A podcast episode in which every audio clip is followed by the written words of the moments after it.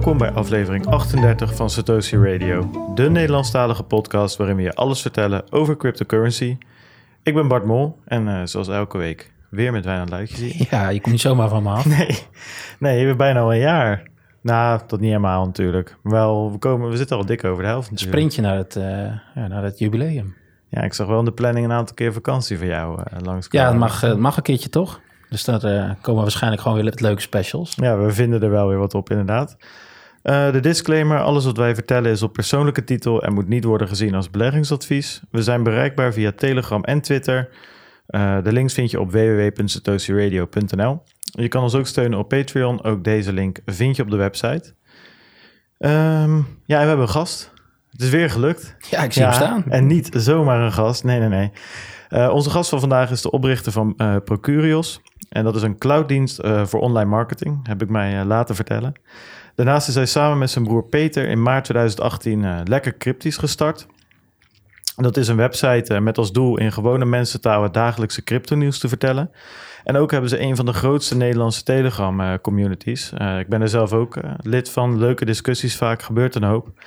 Ja, ik heb het over niemand minder dan Bert Slachter. Bert, welkom. Ja, dankjewel. Leuk, leuk om je hier te hebben. Ja, vind ik ook. Zeker. Vertegenwoordiger namens de broers uh, Ja, namens Slachter, de broers Slachter. Zo is het, ja. Die, ja. die andere is op vakantie, dus uh, ik was uitverkoren. Ja, leuk, nee, toch? ik had inderdaad ja. ik had contact, wat contact met Peter gehad eerder. En die zei inderdaad dat hij op vakantie ging. En toen, nou ja, de andere broer, hè, dus die zei, die weet er net zoveel vanaf als ik. En die is net zo actief. Dus ja, ik, ik ben benieuwd. Um, ja, heb je een goede dag gehad vandaag? Zeker. Ah, lekker cryptisch. Hoe, hoe, hoe, is dat eigenlijk? Want ik heb me laten vertellen dat jullie ook gewoon nog werken naast, uh, naast de website. Ja, absoluut. We hebben gewoon, um, we werken gewoon fulltime. Ja. Um, lekker cryptisch is onze hobby. Ja. Um, dus dat gebeurt vooral in de avonduurtjes in de weekends. Maar deze week is het voorjaarsvakantie. Ja. Dus dat was qua weer natuurlijk heerlijk afgelopen dagen. Maar ik heb ook heel veel kunnen schrijven. Dus uh, een paar mooie artikelen gemaakt weer. Maar is je background dan in de journalistiek of iets dergelijks? Of eigenlijk helemaal niet? En, en, en heb je dit zelf gewoon uit een hobby en, en fun aangeleerd? Klopt, ja, dat laatste. Nee, background is um, uh, informatica. Hè. Ik, ik, heb computer science gestudeerd in Utrecht. En um, uh, gaan programmeren. En nou ja, bij Procurios ook leren ondernemen. En met economie en, en finance in aanraking gekomen. En alles kwam dan bij elkaar in crypto. Ja, maar toch dan de pen op, op oppakken en stukken schrijven, daadwerkelijk schrijven. En elke, elke week of nou misschien wel dagelijkse basis. Dat is, uh, ja, dat is best wel iets anders ja, natuurlijk dan informatica studeren. Hoe, hoe, ligt die balans dan, zeg maar? Dus, uh, laten we ervan uitgaan dat je acht uur normaal werk doet, tussen aanhalingstekens. Hoe, hoeveel tijd ben je dan per dag kwijt aan, uh, aan lekker cryptisch? Ja, wel een paar uur. Ja. Ja. Ja, dat is best voor. Ja, wij hebben natuurlijk met, met de podcast een beetje hetzelfde um, verhaal, maar dat is, dat is toch wel vooral op de donderdag altijd. Ja, klopt. Omdat we de rest niet iets produceren. Hè. Het is nog geen opname, maar je bent natuurlijk wel de week bezig met, uh, met alles bijhouden. De Telegram, wat gebeurt, ja, ja. nieuwsberichten lezen, kijken wat interessant is, uh, inlezen op bepaalde punten. En voordat je weet, ben je weer ergens natuurlijk in een verre Reddit post Ethereum wallets aan, aan het volgen. Ja, maar het meeste doen wij natuurlijk wel, wel op donderdag. We hebben daar wel piek, be, be, be, een bepaalde routine in dat wij een uurtje of vier of zo, uh, een uurtje of drie, vier, dan, dan schrijven we onze, onze hele script uit en naar de gast ophalen, opnemen, editen en online. Ja. Dus bij ons ligt de piek heel erg op, op één dag, zeg maar. En wel grappig om te horen dat uh, bij jullie dat natuurlijk over heel de week uh, ligt. Ja, en die Telegram die jullie hebben, dat is natuurlijk een flinke, flinke community. Voor mij is 17 of 1800 mensen erin. 1809. 1809. Ja, ik ben vandaag ook even gejoind. Ik werd warm onthaald al, dus... Oh, ja, door de bot volgens mij. Nee, nee, door uh, een van jullie admins. Ik weet even niet meer de naam. Jullie hebben, meer, hebben jullie mensen die daar helpen? Ja, klopt. We, op de site schrijven we alles zelf. Ja. Maar um, de, de, de community, daar hebben we heel veel hulp van ja. um, mensen die het snappen. En die uh, met een grapje een discussie weer een goede kant op kunnen sturen. En uh, weet je wel, niet te zwaar aan dingen tillen. Niet meegenomen worden in allerlei uh, heftige fitties en dat soort ja. dingen. En dat is fantastisch. Joh. Zonder die mensen hadden we het nooit zo kunnen doen. Want dan ben je de hele dag ben je aan het babysitten. Ja. Nou ja, baby, ja het, maar het houdt je wel toch bezig natuurlijk. En Nou al ja. die pop-ups. Ik weet niet of je pop-ups uitbestaan voor je, voor je channel, maar het gaat de hele dag door. Zeker, ja, ja, klopt. En ehm ja, babysitten, kijk, het grootste gedeelte is natuurlijk wel ehm, volwassen en serieus. Maar je hebt er altijd een paar mensen tussen zitten. Of een paar grappenmakers die komen. Of, ehm, ehm, nou ja, na anderhalve maand, toen we net gestart waren, toen hebben we, zijn we opnieuw moeten beginnen.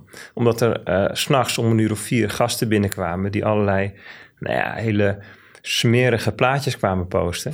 Nou ja, Telegram-kanaal geband door, door Telegram. Nou ja, succes, kan je opnieuw beginnen. Weet je wel, dus ja, je moet wel een oogje in het zaal Ja. houden. ja, dat- Ja, ik moet meteen denken aan die Ja. ICO-channel. ik denk dat jij precies hetzelfde Ja, had. Dus- tijdens die, die ICO-mania had je op een Oh. gegeven moment van die... eh, tijdens de ICO, dan, dan, ja, dan ontploften die chats. En dan werden ze eigenlijk compleet overgenomen door, door iedereen. Ik kan me nog herinneren... Fantasma was dat Ja, volgens mij. nou, Weet dat je was dat de nog? Toen- verzameling met stront. Dat was ongekend. ja, Ja. dat was niet normaal. Maar gewoon echt- ook scampogingen en die bots hield dat gewoon niet meer bij. En het die hele channel is Ja, die- gewoon wasted. Ja, maar die klapte er op een gegeven moment uit. En toen kwamen al die gore stickerpacks inderdaad. Ja, Ja, ik, ja, ik heb hem toen wel doodgelachen. Maar ik kan me voorstellen als die eigen channel is... dat je daar minder eh, vrolijk van wordt. Ja, het is ook een keuze. Hè? Kijk, je hebt ook eh, best wel grote communities waar ze dat allemaal wel prima vinden. Ja, Ehm, maar dan sneeuwt inderdaad een- de interessante gesprekken, die sneeuwen onder. ja. En dus we hebben ja, wat dat betreft best wel een streng beleid, maar wel met als doel dat het ergens over gaat. Ja, we zijn zelf niet eh, al te misselijk van een af en toe een gifje plaatsen. Maar inderdaad, het moet Ja. wel gewoon... Ja, het moet grappig kijk, wij, zijn. wij zitten nu op voor mij 310 mensen. En daar merk je al wel, als, als je een keer hè, de, het geluk hebt dat iedereen online is... dat het best wel hard kan gaan. Zeker op Telegram gaan er ook gesprekken door elkaar heen Ja, lopen. Juist. Ja. En ja, dat is best wel, ehm, best wel lastig. Maar ik denk Ja. dat dat iets is, hè, Telegram bijvoorbeeld en een alternatief, Slack of Discord. eh, dat is iets waar we later nog wel eventjes ehm, eh, wat verder op, eh, op in gaan duiken. Want dat is denk ik wel heel interessant, wat de voordelen en nadelen zijn. Hoe jullie daarmee naar kijken en mee experimenteren. Ja. Maar we hebben nog een aantal stellingen voor je. Ehm, ja, de eerste is altijd hetzelfde en dat is eh, Satoshi of Vitalik. Satoshi. Gifjes of smileys? Smileys. Smileys, oké. Telegram of Discord? Telegram. Lekker cryptisch of procurious? Lekker cryptisch hier, hè? Ja, In, in deze setting wel. Eh, even kijken hoor, wat hebben we hier verzonnen? Bear of bull market? Bull market. Kom maar op. Oké. Is er eentje waar jij zegt van, nou, daar wil ik me nog wel wat verder over eh, uitlaten? Meer info over geven. Nee. Dat was ook redelijk eh Ja, ze waren, zelfverzekerd, hè? Ja, nou, zeker. Nou, en misschien eh, om, om er even verder te gaan waar we het net over hadden. Hè, Telegram of Discord. Ik zag dat jullie ook zelf met Discord experimenteren. Maar toch vooral nog Telegram als, als, als hoofdcommunity platform hebben eigenlijk. Klopt. Ja, wat zijn daar de afwegingen? Hoe kijken jullie daar tegenaan? Nou, toen, ehm, toen dus vorig jaar die, ehm, onze oude groep geband was, toen zeiden we nou dit nooit meer. We stoppen met Telegram. Wat een amateuristische bende is dat. dat je, we- gaan Discord gebruiken. Want daar kun je ontzettend veel meer regelen en, en, en uitprogrammeren. En ehm, je zult niet zomaar je kanaal zien verdwijnen. Dus dat hadden we helemaal opgezet en toch ook maar een Telegram ernaast. En ook een bordje gemaakt die alles van Telegram vertaalde naar Discord, weet je, als een brug. Maar uiteindelijk bleek het daarna prima te werken in Telegram. We zijn toen ook ons eigen botje gaan programmeren. We hebben later Roast er nog aan toegevoegd. En eigenlijk gaat het gewoon goed. En wat we nu zien eigenlijk is dat het 99% gebeurt op Telegram en Discord is eigenlijk ja, eh, min of meer verlaten. Ja. Ja, zonde, want Discord Ja. is eigenlijk een soort... Ja, een, ik vind het zelf een, een duidelijkere Slack... Hè, waar je heel makkelijk een Ja. soort threads hebt... een soort topics waar je op makkelijk kunt reageren... Klopt. en verschillen daarop heel makkelijk kunt... Hey, dat vind ik interessant, daar haak ik op in... dat andere laat ik lekker gaan voor wat het is. Klopt. Maar het is eigenlijk natuurlijk een gaming app... van Origine. Zo, Ja, dat klopt. Ja, maar wel een community Ja. app. Maar inderdaad vooral gericht op gaming. Ja, wat ik tof vind aan Slack en, en Discord, beide, is... is ehm, ik zit in best wel wat Slacks en ook een aantal Discords. En, en door eh, best wel gave bots ehm, eh, heb ik gezien die gewoon compleet gebouwd zijn. Eh, ik heb een bot gezien in een, in een Slack. Daar kon je via de bot kon je eh, Ethereum verzenden. En dat werd allemaal netjes bij, oh, bijgehouden waarheen je dat verzond en, waar, en, en wanneer. En ja, whatever. Dus je kan daar best wel wat dingen op de backend bouwen. En voor mij zit er best wat API-ondersteuning. En dat mis je wat meer bij Telegram. Klopt. Eh, en ik vind het ook fijn dat je inderdaad die verschillende topics hebt. Al zie je ook vaak weer dat dat weer leidt tot een soort van ja, hoe noem je dat? Dat er, dat er in één keer 30 topics zijn. Ja, te Eh, veel versplintering. Ja, precies. Dat je één kanaal hebt voor dit, één kanaal, niet één kanaal voor mining, maar één kanaal voor Ethereum mining, één kanaal voor Bitcoin mining, waar dan Ja. één keer in de, in, de, in de zeven weken een keer wat gepost wordt. En dat is ook weer een beetje opletten. Ehm, maar Telegram kan gewoon heel snel gaan soms. En dat is een beetje, eh, een beetje lastig.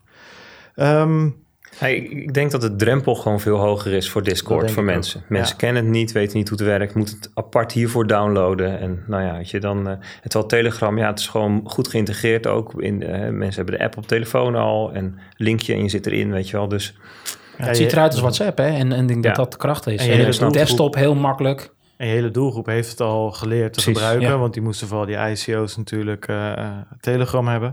ja, Nee, eens. Dat, eh, dat is waar. Ehm, nou, we gaan deze week natuurlijk weer het nieuws van de week bespreken. We hebben de market update. En ehm, ja, daarna gaan we met Bert eh, verder praten over lekker cryptisch en eh, community building, nieuwswebsites, nieuws, crypto nieuws, noem het maar op. Gaat allemaal voorbij komen. Ehm, ja, Wijnand, jij, jij ik, ik knipperde met mijn ogen en heel ons script stond eh, vol met nieuwtjes. Dus ik ben benieuwd ja, welke je eruit gaat pakken.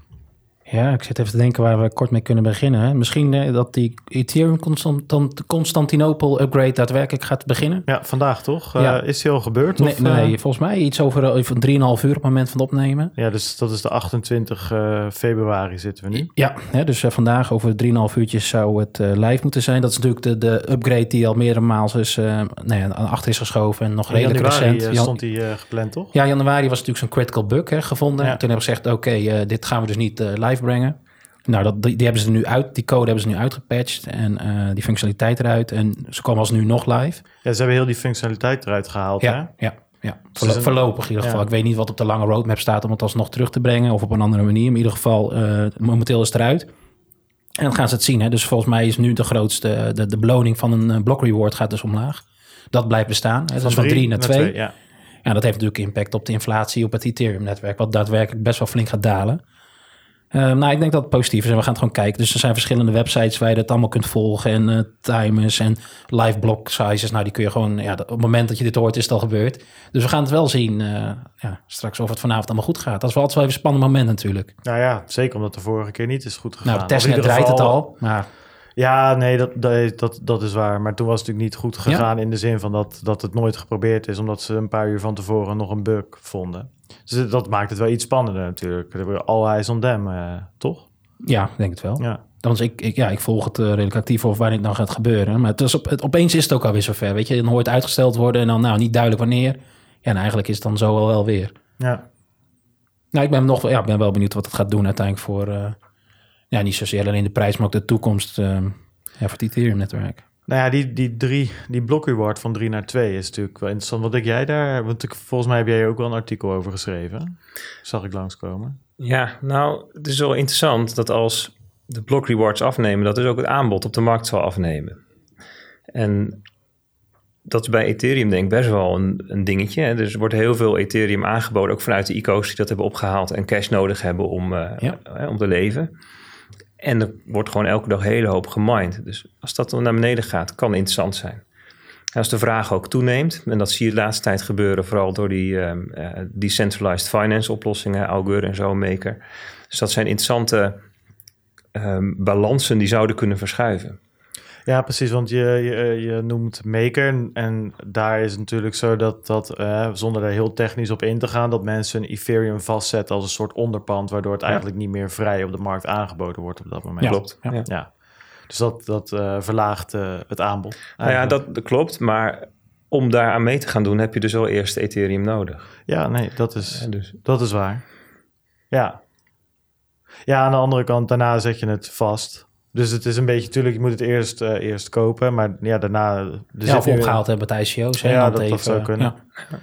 ja, we gaan het zien uiteindelijk. Ja, het is een beetje prijsgerelateerd. hè, De inflatie laat wel wat zien. Oké, wat de plan is op lange termijn. Dat die drie blijkbaar niet houdbaar is. Dus ik weet ook niet hoe set in stone die twee zal zijn. Of dat ook niet op een gegeven moment gereduceerd ze gaat willen naar worden. nul, hè? Ze willen gewoon uiteindelijk eh, eh, helemaal naar proof of stake overgaan. Maar het lag natuurlijk Hmm. al in de... mm, eh, Vitalik had toch ook op een gegeven moment vorig jaar ergens gezegd... dat hij nooit had verwacht dat het zo'n succes zou zijn. En daarmee ook dus aangaf van... ik had nooit verwacht dat er nu al zoveel ehm, coins zouden zijn... of tokens zouden zijn, Ethereum tokens. Ehm, dus ja, die inflatie moet wel wat omlaag. Ja. En dat is de hele reden dat ze dit nu doen uiteindelijk. Ja, ik ben, ik ben benieuwd wat er, eh, wat er gaat gebeuren. Het aanbod zal inderdaad lager worden. Dat, dat uh, kan je met zekerheid zeggen. Um, ja, ik, ik, zag, ik had één nieuwtje eigenlijk deze week wat mij wel echt um, opviel. Daar moet ik hem er even bij, uh, pakken. Coinbase die kwam op een gegeven moment met een um, ja, aankondiging eigenlijk... dat ze een start-up hebben opgenomen, uh, opgenomen overgenomen. En die start-up heet Neutrino. Dat is een Italiaans, Italiaans bedrijf, tech-startup... Nou ja, so far so good. Dat gebeurt wel vaker dat dat grote bedrijven kleinere start-ups uh, overnemen. Ja, vorige week nog Facebook, uh, of de week ervoor, dat je rapporteerde over dat uh, project wat over werd genomen, van Proof ja, of Space. Ja, ja, precies. Daar ben ik even dus het gebeurt regelmatig. Changespace was ja, dat volgens mij. Ja, die werden, er werden ook wat mensen opgenomen, overgenomen door, door, door Facebook. Um, en in dit geval ging het dus over Neutrino. En dat is dus een tech startup uit Italië. En um, wat Coinbase zei is dat ja, dat is een blockchain intelligence platform. Dus dat is een soort ja, tooling waarmee je dus transacties en dergelijke na kan gaan door gebruik te maken van, uh, van de uh, informatie op de publieke blockchain. En wat, ze, wat Coinbase ermee wil doen is eigenlijk analyseren van data op die blockchains.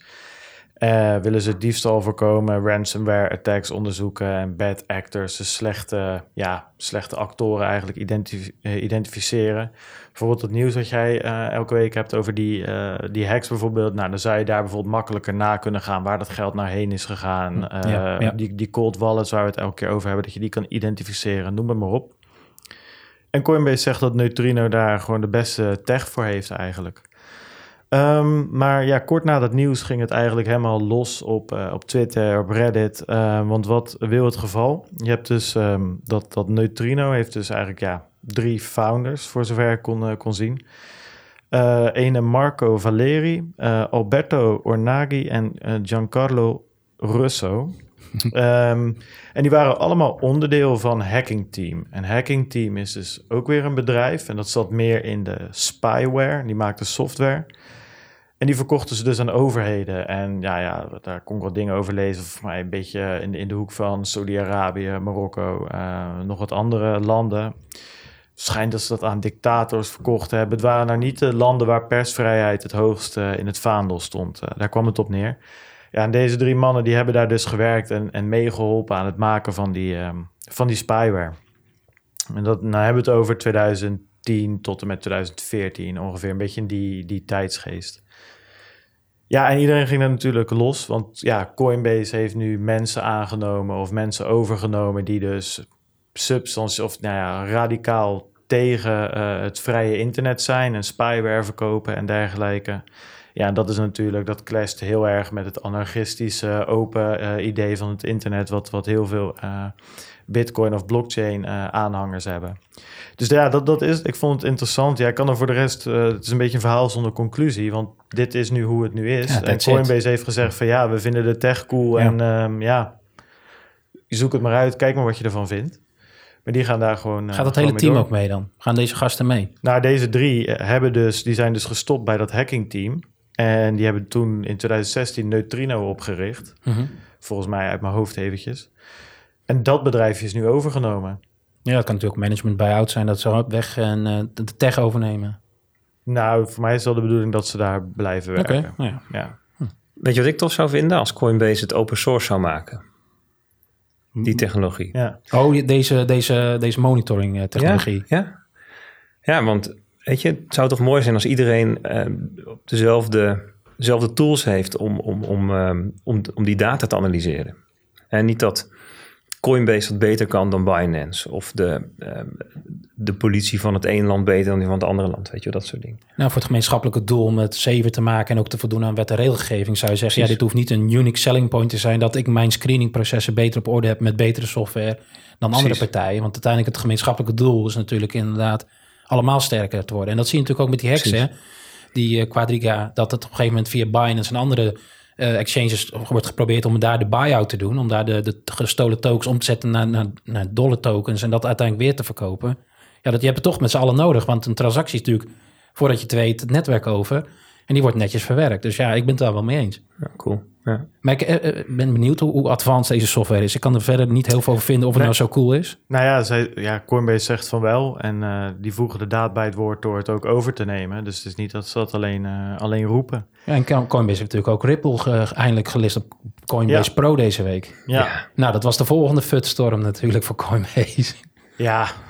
Ja, wat moet je daarover zeggen? Ze hebben natuurlijk een tijdje terug... hebben ze toen een stuk of zes munten aangekondigd. En of Ja. die nou... Worden die nou uiteindelijk al verhandeld op Coinbase Pro of niet? Volgens mij, ik durf niet zeggen.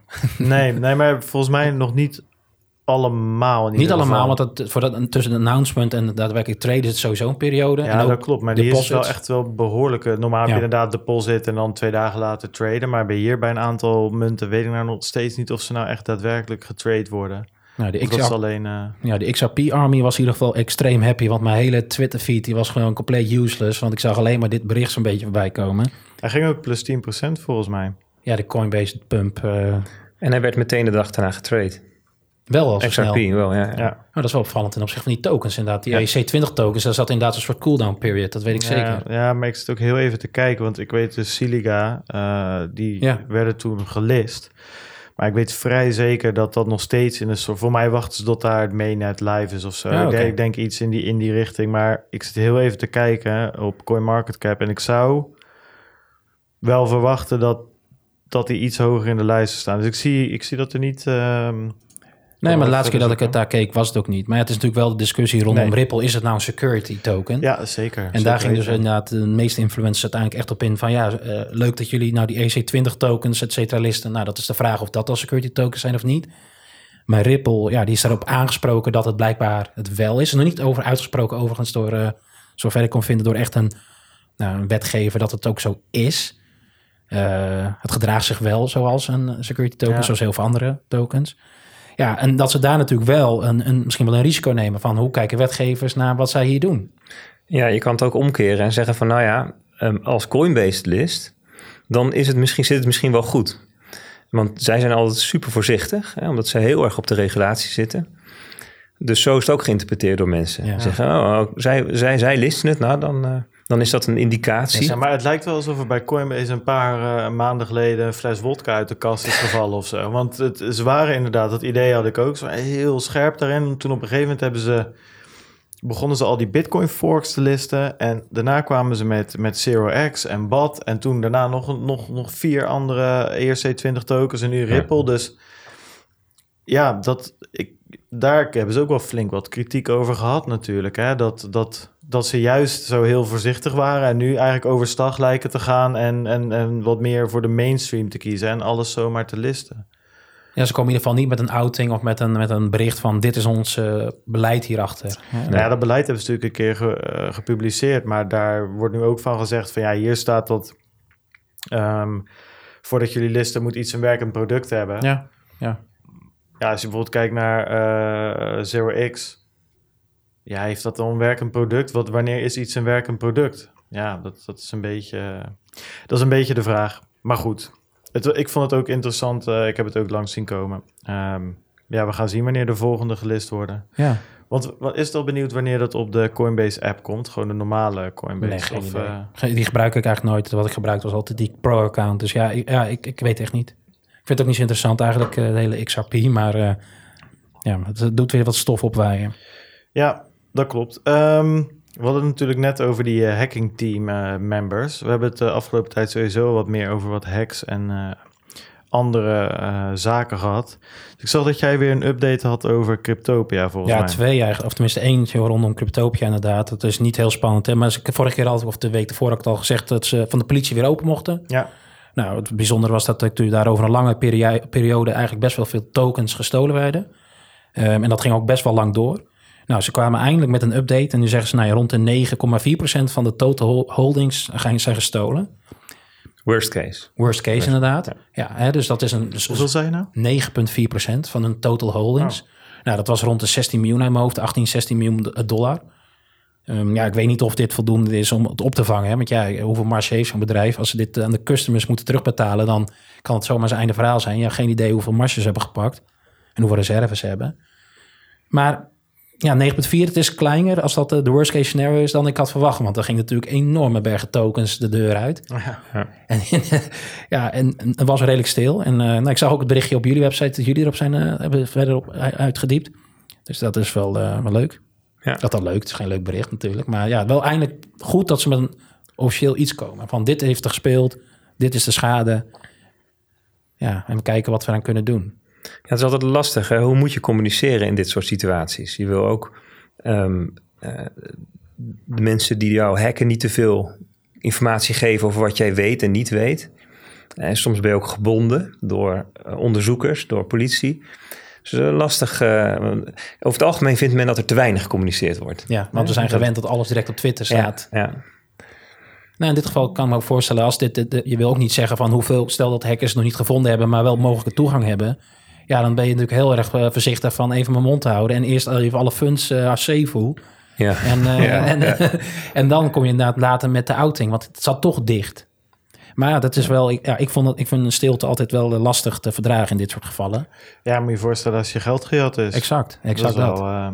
Ik ben heel benieuwd of Cryptopia dit te boven komt. Ja, ik ook. Dat is echt wel veel en lang. En ja, ik heb het voor, van het eerst van Cryptopia gehoord uh, na die hack. Dus wat dat betreft... Um, ja, het is natuurlijk een, je, het is sowieso wel een niche waarschijnlijk voor mensen in die, in die omgeving, in die regio. Ja, ja hoeveel imago-schade leid je als je dus gewoon zoveel slechte, gestolen hebt? Ja, slechte aandacht is ook aandacht. Ja, zodra dat live is, dan zou ik zeggen... oké, okay, mijn uh, tokens die zijn niet uh, schade, die zijn niet gestolen. Weg ermee. Terug naar... Ja, nee, ja, ik, ik, ik zou het ook niet... nou, voor heel veel kleine projecten was Cryptopia de exchange met de meeste volume meeste liquiditeit ook. Oh, die waren wel vrij soepel met listen dus eigenlijk. Ja, ja, heel veel coins, ook heel veel shitcoins natuurlijk. Ja. En een beetje te vergelijken met Qcoin en Huobi. Hè, dus wel, ze, ze, hadden wel een functie. Dus er, zijn, er zijn allerlei projecten waar de grootste exchange is weggevallen hiermee. Ja, nou, ja, ik, ik ken het ook echt niet tot aan de hek, maar ja. Nee, ja, kijk, ja, als je het over Huobi en Qcoin hebt, daar wordt, wel. daar wordt wel serieus, nou, in ieder geval Huobi sowieso en Qcoin inmiddels ook wel ja, dit, dit valt bij mij echt, echt in de categorie. Um, ja, soms, soms hoor je weer van die, van die exchanges waar je nog nooit van gehoord hebt. Nou, daar, daar valt Qcoin bij mij tussen. Nee, die Qcoin niet. Oh, uh, Cryptopia bedoel ik. ja. bijvoorbeeld even kijken hoor. Wat heb je nou? Ik hoorde laatst weer. Ik zit even uh, Coin, uh, Coin Market Cap kijken. Een beetje BitCup of zo. Of CoinHub. Ja, veel uh, Koreaans. Of Coinex of zo. Of Gate.io. Een beetje dat soort... Ja, ja maar de, die, de vorige waren volgens mij allemaal uit Korea. Gate.io, dat durf ik niet zeggen. Maar dat zijn nog wel enigszins de, de bekendere. Maar ja, ook Quadriga uh, eh, CX natuurlijk, oh waar we het ook elke week over zo'n beetje hebben gehad. Ja, dat was mij ook redelijk onbekend uit Canada. Nou, de, de, de weduwe dus, hè, dus die, de, de, de vermeende... De ex zei jij de vorige keer. Ja, de ex. nou, dat klopt ook wel. Maar uh, de weduwe die heeft inderdaad gezegd... Uh, ja, dat zij niet informatie achterhoudt... en dat ze nog steeds op zoek zijn naar de, de assets. En dat ze eigenlijk een langere periode nodig hebben.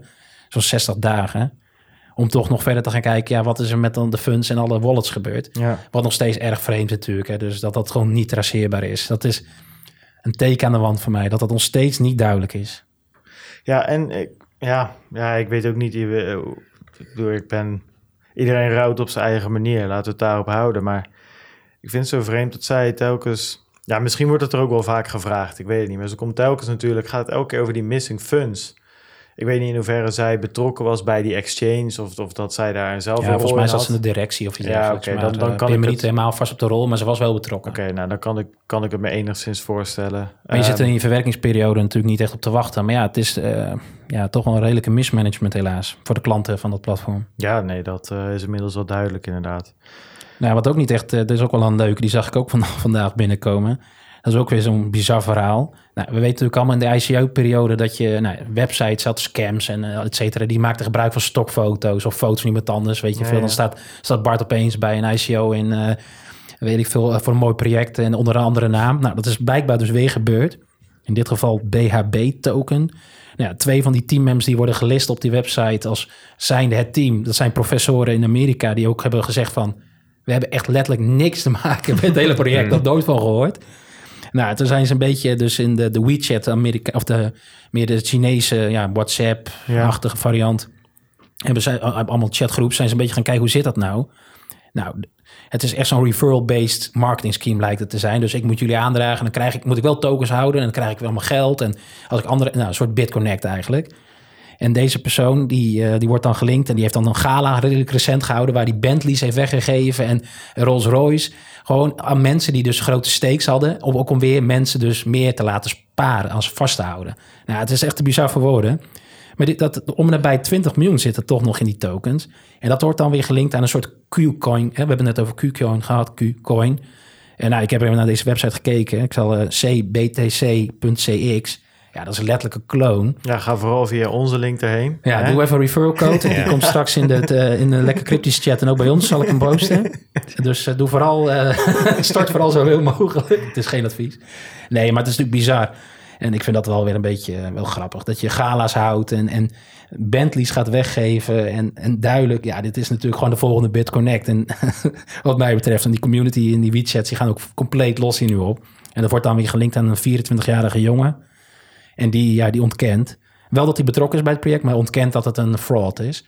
Uh, maar gaat niet in op de vragen. Dus dat is natuurlijk, uh, ja, ik vond het wel. Uh...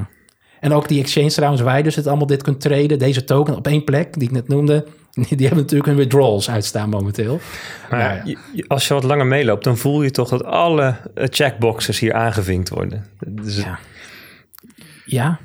Ja, en de website is momenteel uit de lucht. Ja, nu natuurlijk. Hè. Dus deze schade is natuurlijk al gedaan in een periode hiervoor, hè, waar dat misschien nog niet duidelijk was. Dit is allemaal achteraf duidelijk, komt, wordt dit. Ja.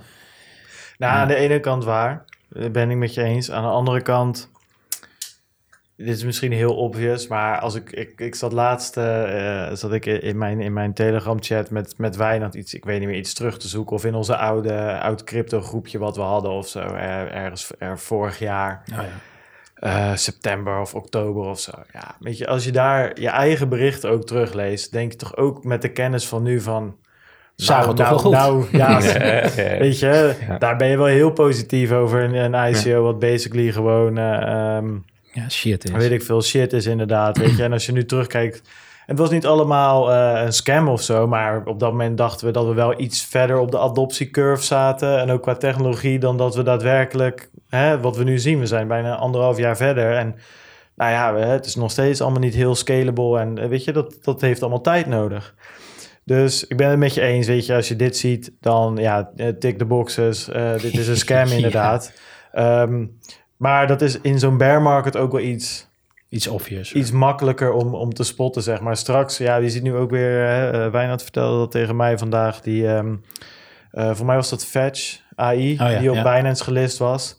Ja, weet je, gaat ook weer keer vijf. En um, dat is ook gewoon puur op hype. Voor mij weet niemand wat dat project is. Het is gelist op Binance, dus uh, ja, toen, gaan. toen reageerde jij, jij, nog op mij van dat er blijkbaar complete clickfarms, uh, farms in... Nou, in... Dat, is wel, dat is wel grappig inderdaad. Want uh, nou, Wijnand en ik hadden het er vandaag over. En uh, Wijnand zei van, joh, ik had daar eigenlijk misschien gewoon aan mee moeten doen. Want ja, weet je, makkelijk verdiend.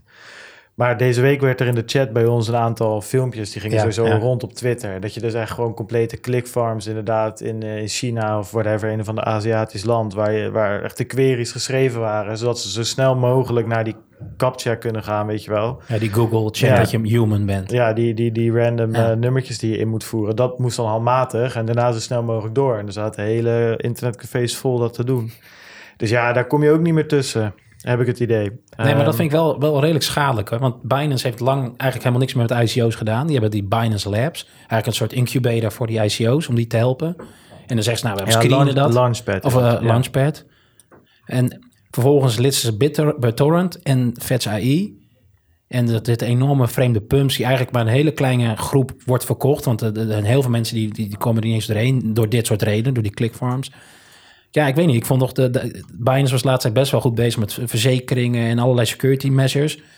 En nu gaan ze opeens dit soort ICO-perikelen uh, weer aan. En je ziet gewoon, uiteindelijk zijn er toch weer mensen die op vijf of zes keer het, kopen. En ja, ik, ik vraag me af waarom ze dit doen. Ja, waarom doen ze dit? Omdat het geld oplevert. Ja, waarschijnlijk. Maar, ja, Weet je, ja. Of het nou bijdraagt aan het positieve imago wat ze relatief hadden in de markt, vraag ik me toch wel af hoor. Ja, ja, ja dat is een hele terechte vraag. Maar goed, uiteindelijk uh, is het geen, uh, hoe noemen we dat, filantropische instelling. Nee, je moet gewoon geld verdiend worden. Ja, ja, precies. Dit is wel hoe het werkt. Zo sta je wel, zij staan wel in het middelpunt van, van het hele verhaal. Um, ik bedoel, waar hebben mensen nou over? Nou ja, Coinbase, um, Maar hoor je nog iemand over Bittrex of over Kraken? Nee, ja, zij zijn nu zich wel heel erg aan het ontwikkelen om het echt het centrale platform te zijn waar je niet alleen kan handelen, maar waar er ook tokens gelist worden en whatever Mhm, mhm. die decks die ze aan het maken zijn. Ja, Ja, en alle fiat eh on-ramps, hè. Dus ze zijn, ehm, ik geloof op iets van negen plekken op de wereld zijn ze bezig om Ja. te zorgen dat daar met fiat Binance opgegaan kan worden. En die CZ die had pas een, ehm zat in de podcast van Anthony Pompliano.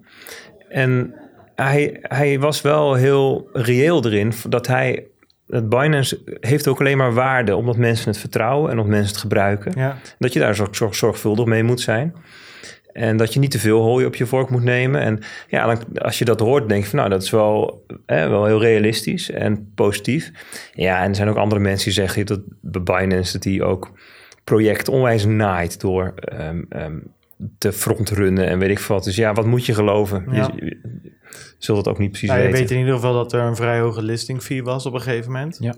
Ehm, we hebben gehoord, of in ieder geval, er gaat rond dat er eh, verplicht market makers moesten zijn. Nou, zijn market makers op zich niet zo raar. Hè? Ik bedoel, het is heel normaal dat je dat bij, bij een IPO ook hebt. Mhm. Alleen ja, de definitie schommelt nog een beetje, zeg maar. En zeker in crypto is het vaak ook weer market maker. Daar wordt weer mee bedoeld iemand die eigenlijk gewoon voor fake volume zorgt. Hè? En, een Wash trading. wash trading. Ja.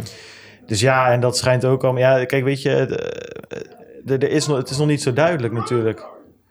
We, sta- we staan hier in de studio. Ik ga het maar even benoemen, want eh, er zit hier, we zitten hier natuurlijk hè, op kantoor, in het kleine kantoortjes. En we zitten met een, met een klein muurtje zit ernaast Het ons. En er een wordt, soort feest er is een soort van vrijdag, vrijdagmiddagborrel op de donderdagavond al begonnen. Ja, ik hoor dat getetterde de hele tijd soort half doorheen. Het is heel, eh, heel storend. Maar ja, anyways, we, die gaan over vijf minuutjes wel weer weg. Want ja, dan moet je weer naar huis. Hè, en dan eh, Ja, gelijk. Laat je het- ook gaan. laat je het kantoor weer, eh, weer achter. Maar nee, inderdaad, Binance. Ja, nee, ik ben benieuwd. Kijk, ze doen sommige dingen heel goed. Maar het is natuurlijk wel één grote gesloten eh, ehm, box.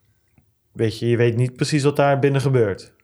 Het is niet dat ze een audit hebben gedaan of... eh, Nee, ja. Toch? Nee, maar dat, dat, dat is een beetje inherent aan zo'n eh, centraal orgaan. Ja, die strategie heeft in ook misschien niet alles Nou ja, verspoilen hebben voor het, eh, concurrentiebeding. Nee, ja, klopt. is- Dat is waar. Maar we hebben bijvoorbeeld met Gemini natuurlijk wel gezien... dat, dat, dat er wel een eh, exchanges zijn die dat proberen iets anders te doen. Maar En die gebruiken dat heel nadrukkelijk, hè? die, die raw, law and regulations als, als unique selling point. Ja. En dan snap ik dat je dat als zeg van strong point wil gebruiken. Van ja, let op, ons doel is dus fully compliant zijn met alle wet en regelgeving. Ja, dat zou ik ook van de daken schreeuwen, want dat, dat, dat, dat trekt weer een bepaald Ja. type mensen aan. Nee, Ja. zeker. Dat is zeker waar. Ehm, ja, daar zijn we er wel denk ik wel en doorheen eh, voor deze week. Of hebben we... Ja, Nou, ik zag wat hele korte dingen. Dus nog van misschien die wel heel grappig is, of grappig of wel interessant is. Die eh, Japan eh, kwam ook met een. eh, vanuit Japan kwam een bericht in de J- J- Japan Times. Nou, ik heb hem niet op de mat liggen, maar ik kreeg wel dit bericht, zag ik online voorbij komen. eh, van de Na- National Police Agency, de NPA. En die hadden eigenlijk een rapport over hoeveel transacties gemeld werden vanuit de crypto exchanges vanuit Japan. Die gerelateerd waren, konden zijn aan suspicious transactions. Dan moet je denken aan eh, witwassen of aan tra- eh, transacties gerelateerd aan drugs of andere criminaliteit. Eh, nou, verkeerde ID-kaarten of identical ID-cards. Dus ja, er zijn dan verschillende, nou, waarschijnlijk tientallen Bart Mols daar aan het handelen. ja. die zitten in China voor. Ja, waarschijnlijk op al die clickfarms. Ja. Ehm, nou ja, ik vind dat best wel veel. Hè? Als je dus hebt over bijna 7000 transacties. eh, en er was ook een explosieve groei. Dan denk ik meer dat dat is aan het feit dat dat beter wordt gemonitord, beter wordt gerapporteerd. dan dat het feit dat het daarvoor niet plaatsvond. Ehm, maar ja, het is best wel een groot aantal. Ben ik wel positief. Vind ik het wel gewoon een goede zaak dat dat gemeld wordt. En weet natuurlijk dat die wetgeving ook in Nederland eraan zit te komen. Ehm, maar, ja, ehm, maar om het even plat te slaan, dat betreft dan eh 1,7% van de totale suspicious transactions die worden gerapporteerd aan deze instelling. Eh, en, die, en dat de overige procent is dan vaak gelieerd aan, aan fiat currencies. Hè, Voor andere waardevolle nou, zoals schilderijen en dat soort zaken.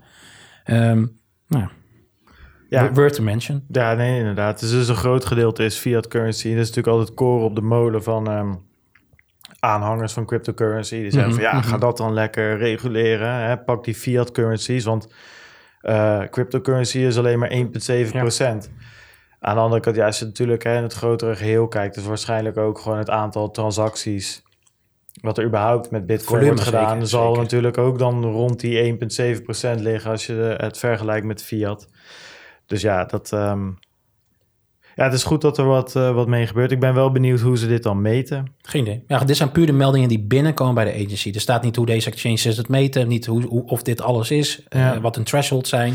Ja, oké, okay, maar dat zijn nu wat die, wat die exchanges inderdaad. Ja. Uh, oké. Maar goed, als er een ID-kaart vaker wordt gebruikt voor meerdere accounts, natuurlijk relatief makkelijk te onderscheppen. Ja, maar in hoeverre is dat... Ja, maar in hoeverre is dat een transactie? Niet, maar dat zijn wel ook redenen. Dus dan is die, die, die transactie gedaan en dat blijkt dan inderdaad gedaan zijn door iemand die gevalideerd zijn aan die D-kaart die vaker is gebruikt. Oh ja, okay. Dus gestolen waarschijnlijk okay. via het internet gekocht. Ja, oké. Ja, nou, ik ben wel benieuwd wat dan, want dat zie ik er even niet zo snel uitkomen, hoe, wat dan het totale aantal transacties was. Want we zeggen nu 7000 of 7100 ongeveer. Uh... Nou, als dat 1,7 is, zou je het kunnen narekenen. Ik, kan, ja. ik ben niet zo heel snel, maar dat zou kunnen. Ik denk dat ik dat aan, uh, aan Jasper ga vragen van, uh, van Grin. ja, toch, die, die ja. promoveert op, op wiskunde, dus um, dan, dan moet hij dit ook wel uit zijn hoofd kunnen. Um, ja, nou dan, dan was dat hem denk ik toch? Ja, ik denk wel. Marktupdate, ja. Ging niet zo goed, gaat nu weer wel beter. Dat is eigenlijk uh, kort gezegd uh, waar we staan. Het was 3959 vorige week en het is nu 3881. En we hebben in de tussentijd, als ik het uh, correct voor mij op de 4250 gestaan. Ja, jij bent er helemaal uit, hè? Dat, ja. Ja, oké. Okay. Nee, de, um, Nee, nee, dit is, ja, maar, dit is mijn wekelijke update, uh, ja, update nee, van niks. de prijs. Ja, ik, ik, volg het niet helemaal niet. Nou ja, we gingen wel erg hard naar beneden op een gegeven moment. Hoor. Dat was echt van 42,50 gewoon hop, direct naar 3700 of zo. Ja, ik zie het wel voorbij komen. Ja, maar, uh, ja, maar dat was wel, dat was gewoon in één uur. Dat was een hourly candle. Dat, dat, uh, het, het boeit mij ook allemaal niet zoveel meer, maar ja, aan de andere kant dacht ik ook weer van, nou, we waren op 42,50. Ik denk, nou, hé, hey, dat is wel weer een beetje rustig aan. ging ook in kleine stapjes rustig aan omhoog. En dan in één keer weer zo'n rode streep in één uur. En denk ik toch altijd weer, jeetje, joh. Ja, dan maak ik me druk om. Zo'n mooie Bart Simpson zag ja, even bijkomen. Um, dus dat. Um, we hebben nog wat anders leuks te melden. Namelijk dat we een aantal uh, kaartjes voor de Grin Meetup, waar we het over gehad hebben, een paar weken terug weg mogen geven. Ja, Robert uh, Nas die regelt dat, hè? En die op, uh, dus, nou, we hebben Jasper gehad hè, vanuit ja, het project van, zelf. Uh, vanuit het project, ja. Nou, we vinden het gewoon echt een cool project. Dus uh, ja, we hebben gewoon met die, met die gasten gezegd, nou ja, op een gegeven moment uh, kunnen we kaarten. Nou, we kunnen dus twee kaartjes in ieder geval weggeven. Dus even te denken wat nou leuk is. Ja, je kunt ons altijd natuurlijk contacten wie, als je wil gaan. Ja. Maar ja, ik denk dat als je een leuk een gifje deze kant op stuurt, omtrent grin. Een gifcompetitie. Dat, dat een streepje voor is in de kans om te winnen. Ja, we moeten even kijken. Dat is nog wel een goeie. We moeten nog even bekijken hoe we dat het makkelijkst uh, uh, ja. ook zichtbaar kunnen houden. Dus dat zal waarschijnlijk dus niet via Telegram lopen. Nee, we moeten gewoon even kijken hoe het uitwerkt. En het is pas eind van de maand. Dus ik denk dat het goed is, hè, dit, dit speelt. Dus ja, contact ons als je graag wil gaan en je hebt nog geen kaartje gekocht. Want het gaat uiteindelijk echt om die developers van Grin uh, ja. een steuntje in de rug te geven. Want die doen het allemaal vrijwillig. het vindt zich ook plaats. Het zal zich in Amsterdam afspelen, het event. Ja. Uh, nou, ik, ik, kreeg wat dingen door dat ook echt een internationale uh, mensen worden verwacht en dat er behoorlijk wat mensen kunnen komen. Dus uh, ja, als je gewoon wil gaan en je koopt de kaartjes, alsnog beter. Maar wij geven in ieder geval twee weg. Ja, nou, ik ga er sowieso en Jij bent op vakantie volgens mij. Ja, toch? Ja, ja, ja. ja nee, dat is even de samenvatting. Dus uh, voor mij komen er dus ook nog wat andere mensen uit. Nou ja, Jasper was er sowieso bij. Uh, Robert Nas, die komt daar langs. Voor mij nog wat andere gasten uit de channel gingen ook. Dus dat is sowieso wel leuk. Kunnen we nog altijd nog even een praatje maken. Misschien zijn er wel wat mensen van Bitonic, hè? die zijn ook sponsor van, uh, van Grin. Een van ja, de... Friends of Grin inderdaad. Of dus er komt daar van alles weer langs. Ik denk dat dit wel een leuke meetup gaat worden. Dus we gaan twee kaartjes weggeven. Hoe en uh, wat, dat moeten we nog maar eens even gaan bedenken. Ja, we zijn niet zo van de giveaways. Ja, jij helemaal niet. Nee. En ik inmiddels ook niet meer. Nee, ik heb het dat uit... heb je er wel uitgeslagen. Um, maar dat is nog een andere. Dat als we dan toch uh, daarmee bezig zijn. Uh, we hebben natuurlijk 300 man nu in de Telegram groep. Mm -hmm. Ik zit er toch om te denken om daar ook nog iets te gaan doen. Maar dat... Um, dat uh, gaan we later ook nog wel. Um... Maar waarom ben je er tegen? Tegen giveaways? Ja, dat is een goede vraag. Nou, ik zie het praktische nut na, vaak niet. Het is niet een doel van mij om, om dingen weg te geven, om mensen te lokken. Ik lok, lok, of lokken. Ik heb mensen liever die bijdragen op basis van de kwaliteit die je levert. Ja. En als de kwaliteit ondermaats is, dan, dan weerspiegelt zich dat in, in de mensen of de activiteit. En, en, en, en tijdelijk iets weggeven, dat zie je gewoon bij die ICO's ook gebeuren, airdrops en dat soort zaken ja, dat lokt mensen die, die komen voor de quick gain. Ja. En dan ook weer snel weg zijn als het niks is. Of als de, de, de prijs binnen is. En dat, dat, dat is gewoon niet ja, hoe ik een community opgebouwd zie worden. Maar goed, dan gaan we straks met jou hebben wat jij ervan vindt. Maar dat, ja, Bart ja, en ik dat, zitten, zaten ja, we zijn in, Inmiddels zitten we daar wel, uh, wel redelijk op één lijn. Hoor. Ik denk dat we daar wel goed uh, goede middenweg in hebben gevonden. Kijk, inderdaad je ziet vaak dat, dat, dat grote Twitter-accounts... die geven dan gewoon letterlijk bitcoin of Ethereum weg. Dat is eigenlijk gewoon geld weggeven. Als jij dat gaat doen, dan... Uh... Nee, nee, nee, nee, nee. Dus dat... Uh, misschien dat, join ik de groep. Dat zie ik ook niet zo voor me. Maar we hebben, dat was wel grappig, misschien uh, wat, wat achter, de, achter de schermen. dat was in, in, vrij in het begin. Toen hebben we bij twee een discussie gehad. ik wilde wel wat weggeven en Wijand die was, daar, die was daarop tegen. En toen heb ik een aantal ledgers besteld, een stuk of twee of zo. En uiteindelijk hebben we daar nooit op mee gedaan. Die liggen dus nog, die liggen dus nog in de kast. Um, ja, omdat we uiteindelijk niet helemaal eens konden worden, zeg maar, van ja, weet je, wat is nou de waarde hiervan en hoe kan je dat nou op een leuke manier uh, doen? En inmiddels ben ik er ook wel over uit. Kijk, wij doen het voor de lol en we zien gewoon dat die community die groeit niet extreem hard, want er komen elke week weer, weer wat mensen bij. En het is gewoon een leuke discussie. En er wordt inhoudelijk uh, goed gediscussieerd. Er zitten mensen bij die kunnen developen. Er zitten mensen bij die, uh, die veel van de business kan misschien weten. Mensen, Onze gasten. Traders, alle gasten zitten erbij. We hebben miners erbij zitten. Dus er wordt best wel uh, goede content geleverd. En ik ben het met Wijnand eens dat... Ik denk als je, als je te veel dingen weggeeft, zomaar gratis... en met als voorwaarde kom in de groep... dat je heel snel heel veel ruis uh, creëert. Dus dat is eigenlijk de afweging.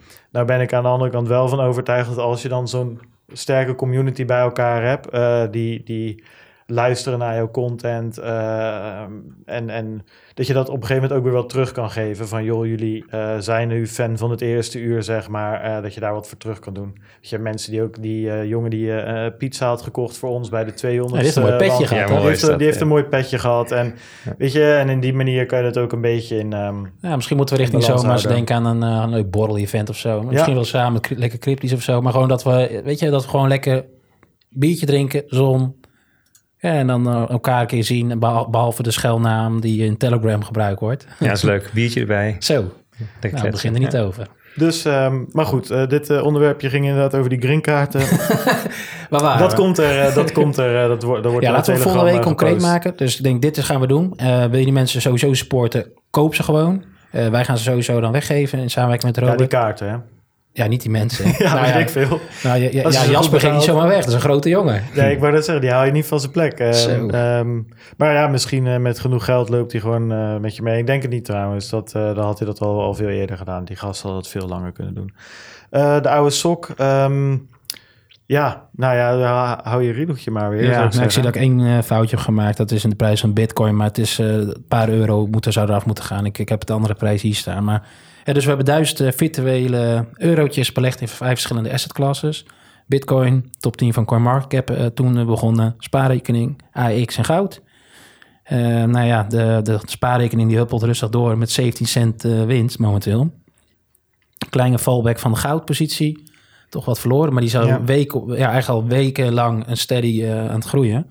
Tot nu toe de beste beleggingpositie was dat.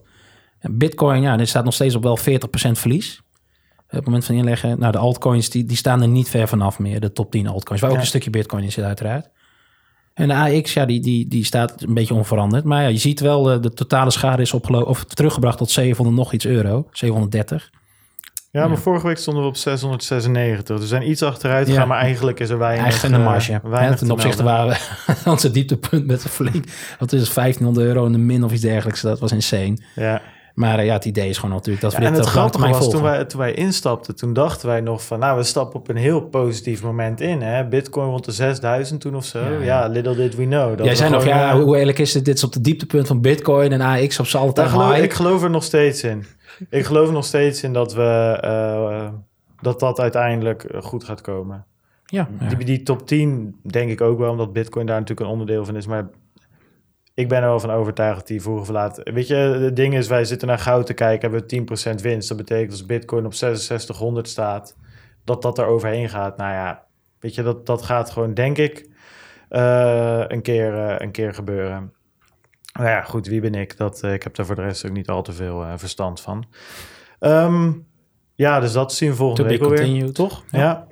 Ja. Um, ja, nu gaan we met met Bert verder praten over, uh, over lekker cryptisch. Ja, ik ben... Um, ik was op een gegeven moment... Ik heb uh, zeker toen wij deze podcast um, ja, gestart zijn... dan ga je toch eens kijken... ook wij hebben zo'n Telegram-community erbij. ga je toch eens even kijken, wat is er nou al in, in Nederland? Hè? En hoe doen, uh, hoe doen die dat? Dus uh, je hebt natuurlijk volgens mij de, de, de crypto-boerderij, lekker cryptisch. Ik heb je nou nog meer? noem eens een paar. De meeste bitcoin hebben we. Ja. Ik, ik heb er best wel wat groepen, groepen gezeten. Um, gezeten? Ja, sommige ben ik ook weer uitgegaan. Okay. Of uitgekikt. Ja, ja dus nu dan komt de troll in mij naar boven. En dan uh, heb je tegenwoordig hele mooie afgestelde bots die je er gewoon automatisch uh, uittrappen.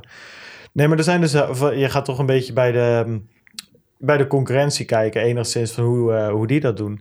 En wat ik bij jullie heel tof vind, is um, ook op jullie website, maar ook in de, in de community, wat, wat, je, wat je zegt, jullie modereren het redelijk strak, maar dat is vooral het modereren van gifjes en plaatjes en dingetjes. Maar ik vind de community bij jullie vrij.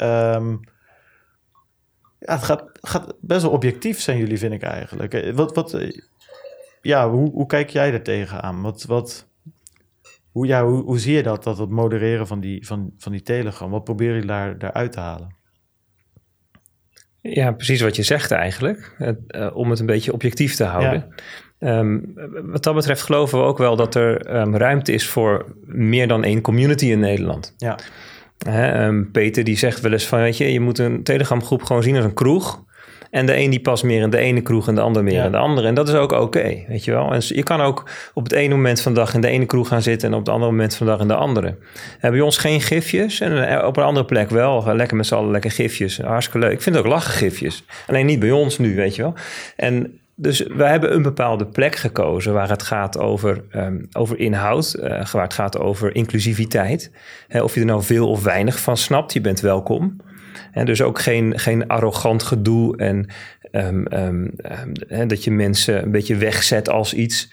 Ook, ook geen mening over uh, voorkeuren van mensen. Dat is prima, maar niet bij ons. Ja. Dus, dus, maar dat is gewoon een keuze ook van hoe positioneer je als community. En dat slaat dus kennelijk best wel aan. Ja. Maar was dat in de opzet van Lekker Cryptisch direct duidelijk? Wij focussen ons op de, op de content. Hè? Dat is uh, clean. Ik heb jullie website bekeken. Geen ads. Het is gewoon uh, nieuws overzichtelijk. Ja, geen poespas, niet te veel, uh, allemaal, allemaal sidetracks met allemaal andere projecten, price trackers en al dat moeilijke ingewikkelde geen zaken. volgens mij. Nee, maar gewoon heel gefocust op content. Oh, by the way, we hebben nog best wel een community. Of, of was eigenlijk de community het doel en de, de, de uiting naar het publiek de website? Of, of was, het, was het altijd verweven geweest? Het is altijd verweven geweest, maar dat is ook omdat we geen vooropgezet plan hadden. We werken bij Procurious ook heel agile. Zijn we, dat doen we al acht jaar en zijn we helemaal van door, doordrenkt, zal ik maar zeggen. oh dus wij kijken gewoon elke week hè, of elke dag van wat is nou het volgende wat uh, het meest waardevol is om te doen. Weet je wel? En ja, dan, dan ineens ben je een community aan het starten. Ja. Ja, en dan, dan denk je, hey, hoe interacteert het nou met de site? Dan moet je toch meer, daar iets meer over doen. Of je merkt dat bepaalde vragen telkens terugkomen. hey, leuk, dan schrijf je een kennisbankartikeltje voor... en dan kun je dat elke keer geven. En zo ontstaat dat eigenlijk.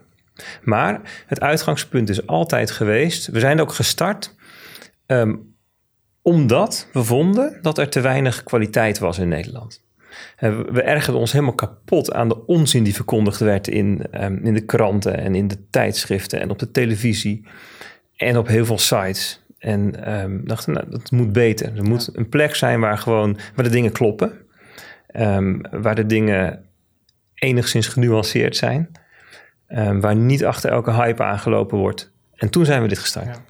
Ja, ik vind het tof dat je dat zegt. Ehm, maar um, aan dat rijtje wat je zegt, hè, de kranten, de media, tv-programma's, eh, talkshows, noem maar op, wil ik eigenlijk ook eigenlijk de crypto communities toevoegen die er al waren. Want die slaan naar mijn inziens over het algemeen compleet door naar de andere kant. Waar, waar je vaak de mainstream media, zoals ze dan weggezet worden, eh, naar het negatieve ziet kijken. Uh, vind ik vaak de andere crypto communities die er zijn weer heel erg naar de enorm positieve kant slaan. Hè? Dat we uh, alles gaan veranderen met, met een of ander random uh, token. Ja. wat ik bij jullie nou zo cool vind, is dat jullie er netjes tussenin zitten met een lichte voorkeur voor crypto natuurlijk. Hè? Ik bedoel, dat, dat, dat hebben we natuurlijk allemaal. Maar de manier waarop jullie het modereren is ook wel... Ja, ik, ik, ik heb best wel leuke discussies in jullie channel gehad. En dat... Um, ja, we zijn op zoek naar realisme. Ja. En dus ook, het moet ook mogelijk zijn om, om je bias te benoemen. Ja, oké, we hebben wel een bepaalde bias voor crypto, maar um, daar moet je het over kunnen hebben. Inderdaad, ja.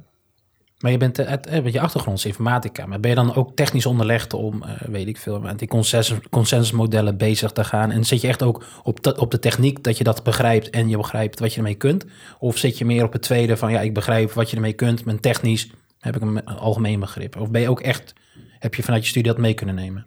Nou, niet vanuit mijn studie, maar uh, toen, toen bestond dat eigenlijk nog niet. Um, maar ik begrijp wel hoe die consensusalgoritmen werken. En ik, ik kan wel de, de source code van Bitcoin lezen. En weet je wel, dus we hebben ook zelf wel um, uh, in die tijd dat er om de week weer een nieuw proof of work project kwam. Zelf die dingen gecompiled en aangepast en gezorgd dat het werkte met onze GPU's om te minen en allemaal dat soort dingetjes. Oh, mine je zelf ook nog? Ja, op dit moment niks. Er is niks uh, echt rendabel genoeg om, uh, om te doen. Maar soms doen we nog wel eens gewoon als, um, om, om, om weer even te kijken hoe het ook weer werkt. En, feeling te hebben met, met de tech. Ja, precies. En soms is spec mining, dus iets waarvan wat je nog niet kunt verhandelen, maar wat, waar wel echt iets interessants gebeurt.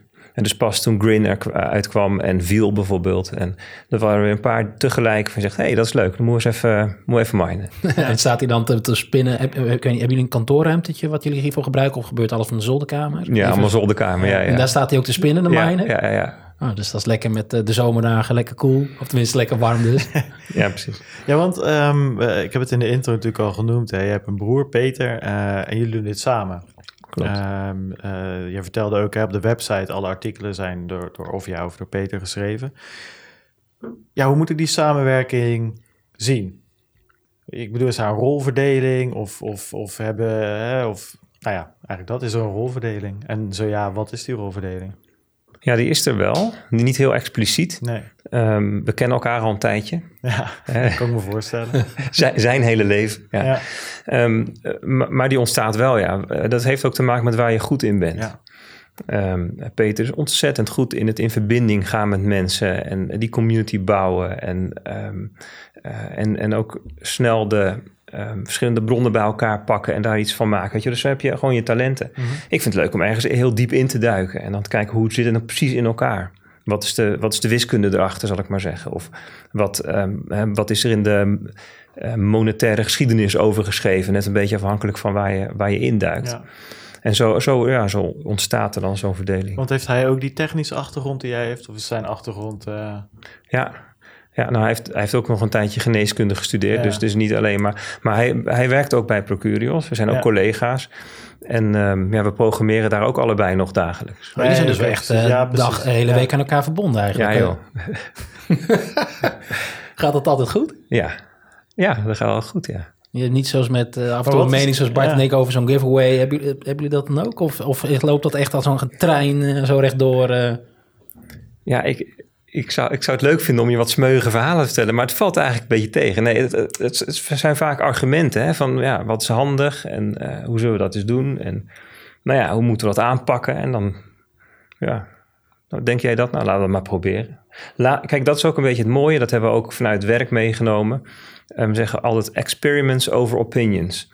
En je kunt wel allemaal meningen hebben, maar je weet het pas als je het gewoon gaat proberen. Dus laten we een goedkoop experiment doen. Dus iets wat niet heel veel tijd kost om het op te zetten. Waar je niet heel veel stuk mee kan maken. Laat eens kijken wat er gebeurt. Ja. Voelt het goed? Werkt het goed? Pakt het goed uit? Nou, ja, dan gaan we verder. het resultaat wat je wil, ja. dan ga je ermee eventueel mee door. Ja, ja nou zo, en zo is eigenlijk het, de hele community en de site en alles gewoon ontstaan ook. Ja, ja want... Um...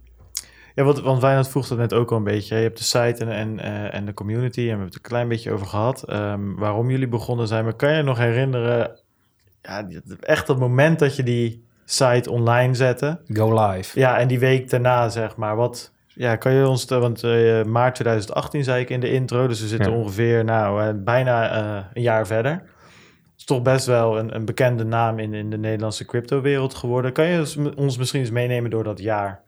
Hoe dat gegaan is. Wanneer je voor het eerst het idee had van, joh, dit begint nu wel echt uh, serious, serious te worden. Ja, ja dat, dat ging eigenlijk als eerste met, met de Telegram community toen. Dat groeide ontzettend snel.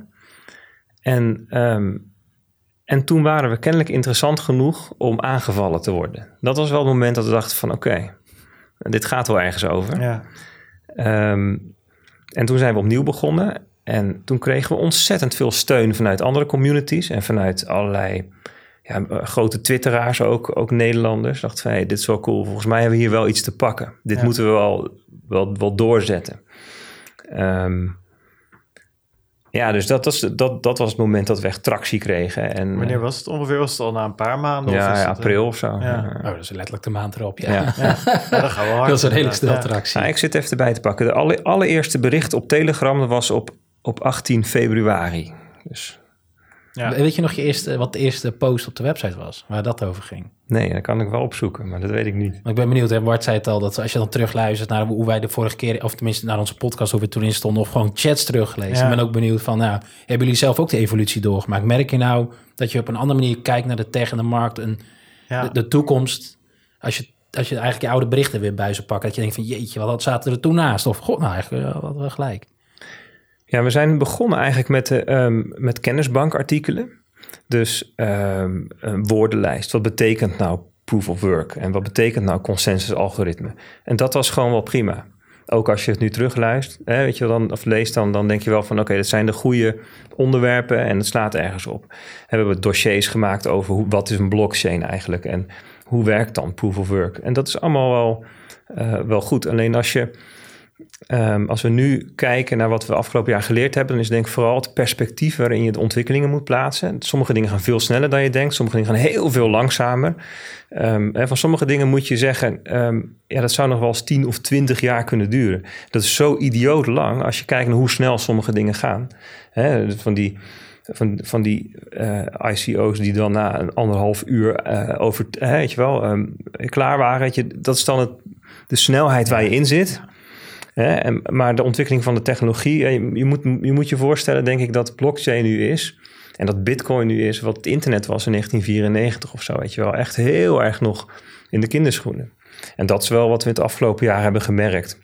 Um, um, en dat was ook wel grappig. Wij begonnen met lekker cryptisch natuurlijk precies in het begin van die bear market. Ja. En toen, we hebben echt een half jaar gehad dat iedereen zei, nou, nog een week en dan gaan we weer omhoog. Dat hebben ze echt elke week gezegd. En nu ontstaat het realisme, ja, dat het, dat het gewoon nog even duurt. Zo'n een, een, zo'n bear market, na zo'n bull market, ja, dat duurt gewoon vanaf nu nog een half jaar of een jaar voordat we, voordat we weer gaan. Want die bull market komt gegarandeerd een keer. Dat zijn gewoon cycli in de markt. Ja, nee, ik, ik ben benieuwd. Ik hoop dat die, uh, dat die komt. Maar dat, um, wat ik, kijk, we hebben een, een beetje hetzelfde met die podcast. We natuurlijk vorig jaar in juni Zoiets, ja. begonnen. Ja. Ja, dat was nog net een beetje dat staartje ICO wat er toen nog, uh, toen nog Echt zat. het, letterlijk het staartje. Ja. toen nog Quarkchain, was nog net toen we half net begonnen waren. Ja, en uh, soms grappen we wel eens, zeg maar, dat we eigenlijk nu een logboek aan het maken zijn, wat we later nog eens terug kunnen luisteren, wat eigenlijk de ondergang van, van crypto. Hè? We gaan steeds lager en wij hier elke week maar vertellen, nou, misschien volgende week gaat het wel weer inderdaad. En dat is er inmiddels wel uit. En eigenlijk het enige waar ik, waar ik echt naar uitkijk elke keer is de, de podcast weer. Om weer met iemand te praten over de, over de tech of de manier waarop ze met crypto bezig zijn. En ja, dan die, die prijs inderdaad, ja, die noemen we, omdat het een leuk consistent item is. Maar daar houdt het ook wel, uh, houdt het op, ook wel op. Wat denk ik interessant is trouwens, Wijnand die noemde dat net ook al, van jullie website is helemaal clean. Um, dat is echt een verademing, by the way. Maar ja, uh, clean betekent ook geen advertenties erop bijvoorbeeld. Viel mij op. Ik zie eigenlijk in Klopt. jullie Telegram nooit ref-linkjes of abonnementen of paid channels, noem het allemaal maar op. Maar hebben jullie een verdienmodel of is het een bewuste keuze? Of ja, hoe kijken jullie daar tegenaan? Um, we hebben geen verdienmodel en dat is een bewuste keuze. Ja. Dat wil zeggen op dit moment. Ja. Um, we hebben wel, krijgen we heel veel aanbiedingen van mensen, maar wij willen absoluut niet dat onze gebruikers um, verkocht worden. Of de dupe ervan zijn. Of er ook maar op een of andere manier last van hebben. Um, dus dat is de ene kant. Dat, dat zie je, zou je vooral in de community zien. Hè? Dus we willen daarom geen reflinkjes. Ja. Of gespam of wat dan ook. En aan de andere kant willen we heel graag onafhankelijk kunnen zijn. Gewoon kunnen schrijven wat we vinden. Objectief zijn. Um, dat de, de, objectiviteit ook niet um, uh, ter discussie staat. Dus ja, dat is dan op de site vooral aan de hand. Kijk, en wij kunnen het natuurlijk doen omdat we gewoon een baan hebben. Ja. Ja, ja. En dus dat is, uh, Nassim Taleb noemt dat fuck you money. Dat is het mooiste. Hè? Dus mensen die zoveel geld hebben dat ze um, niet hoeven te schrijven wat hun baas wil horen. Dat wetenschappers niet hoeven te onderzoeken wat de gever van het budget uh, onderzocht wil hebben of als uitkomst Ja. wil.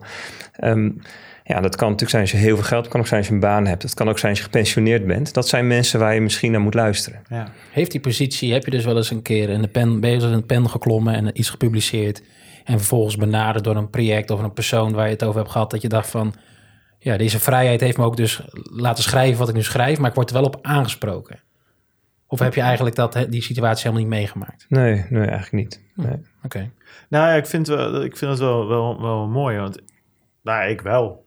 Ik merk in ieder geval wel dat, dat zeg maar een jaar geleden... dat je gewoon elke chat in kon gaan, weet je wel... onder je, onder je synoniem en je, en je afbeeldingje. En ja, weet je, daar kon je gewoon zeggen wat je wilde. En ik merk nu wel... Je, wij praten met veel mensen, komen veel mensen langs.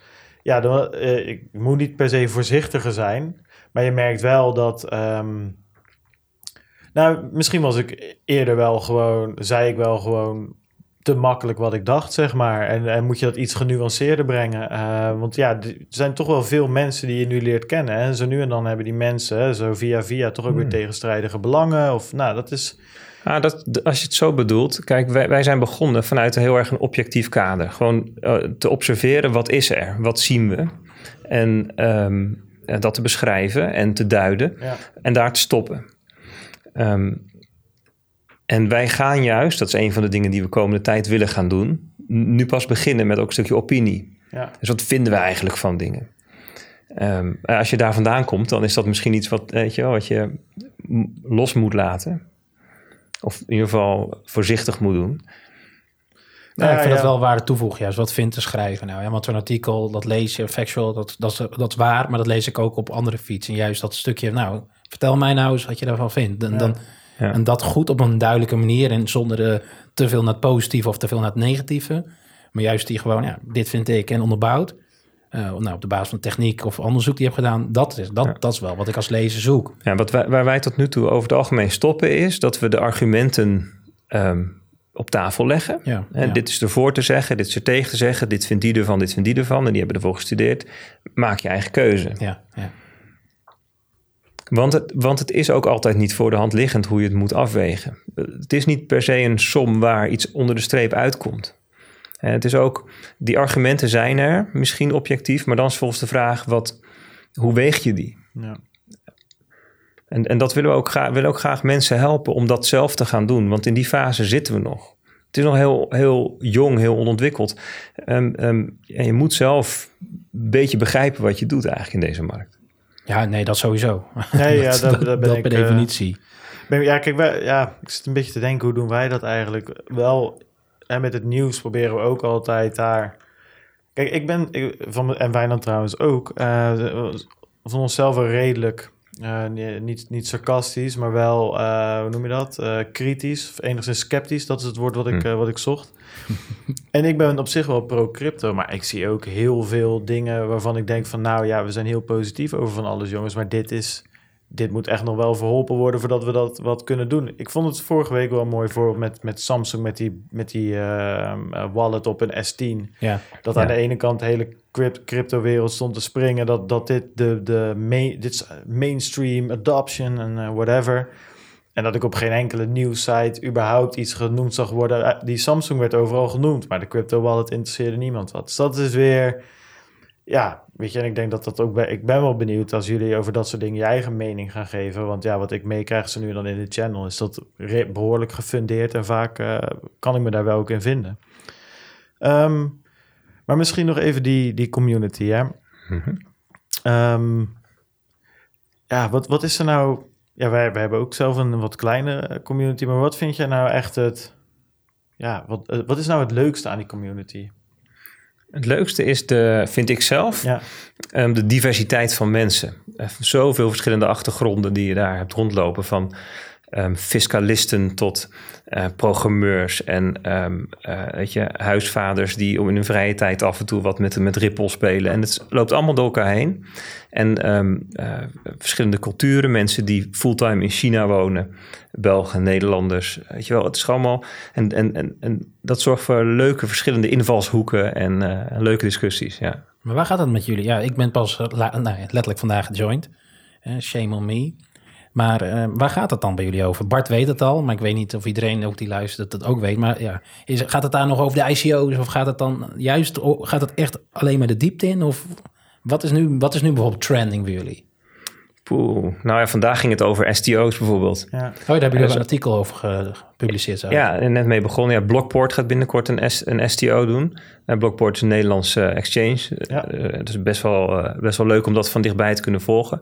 En heel veel van die security tokens die, um, en ook, ook de artikelen erover, die zijn heel erg op het Amerikaanse um, uh, regelgeving gebaseerd. En hoe, hoe gaat het nou in Nederland? Hoe, hoe gaat het nou in de eurozone? Dus uh, het leek ons heel leuk om daar iets met Blockport, om dat te volgen. We binnenkort een EME doen in ons uh, kanaal ook. En um, um, nou, dus even een aantal artikelen ook om, om mensen ook um, op een bepaald basisniveau te brengen. Van wat, wat, wat is dan een security token? En hoe ja. is dat dan anders dan een utility token of, um, of, of, of, geld? Of een aandeel. Of, of een aandeel. Ja, ja, ja, tokenized security. Ja. Nou ja, dat is hetzelfde. Dus een, een security token is eigenlijk een getokenized uh, uh, security, een aandeel, een, een obligatie mm. of, of, of, of kunst of vastgoed of wat dan ook. Um, ja, nou ja, ik, het is een beetje een semantische discussie natuurlijk. Maar uh, je hebt, um, we hebben net gezegd dat, dat, dat Ripple gezien wordt als security token. Maar het representeert geen aandeel. En ik denk dat dat het verschil is tussen een tokenized security en een security token. Als een aandeel zoals wij die uit de traditionele markt kennen. Dat is voor mij een beetje... Wordt het gezien als security token of als security?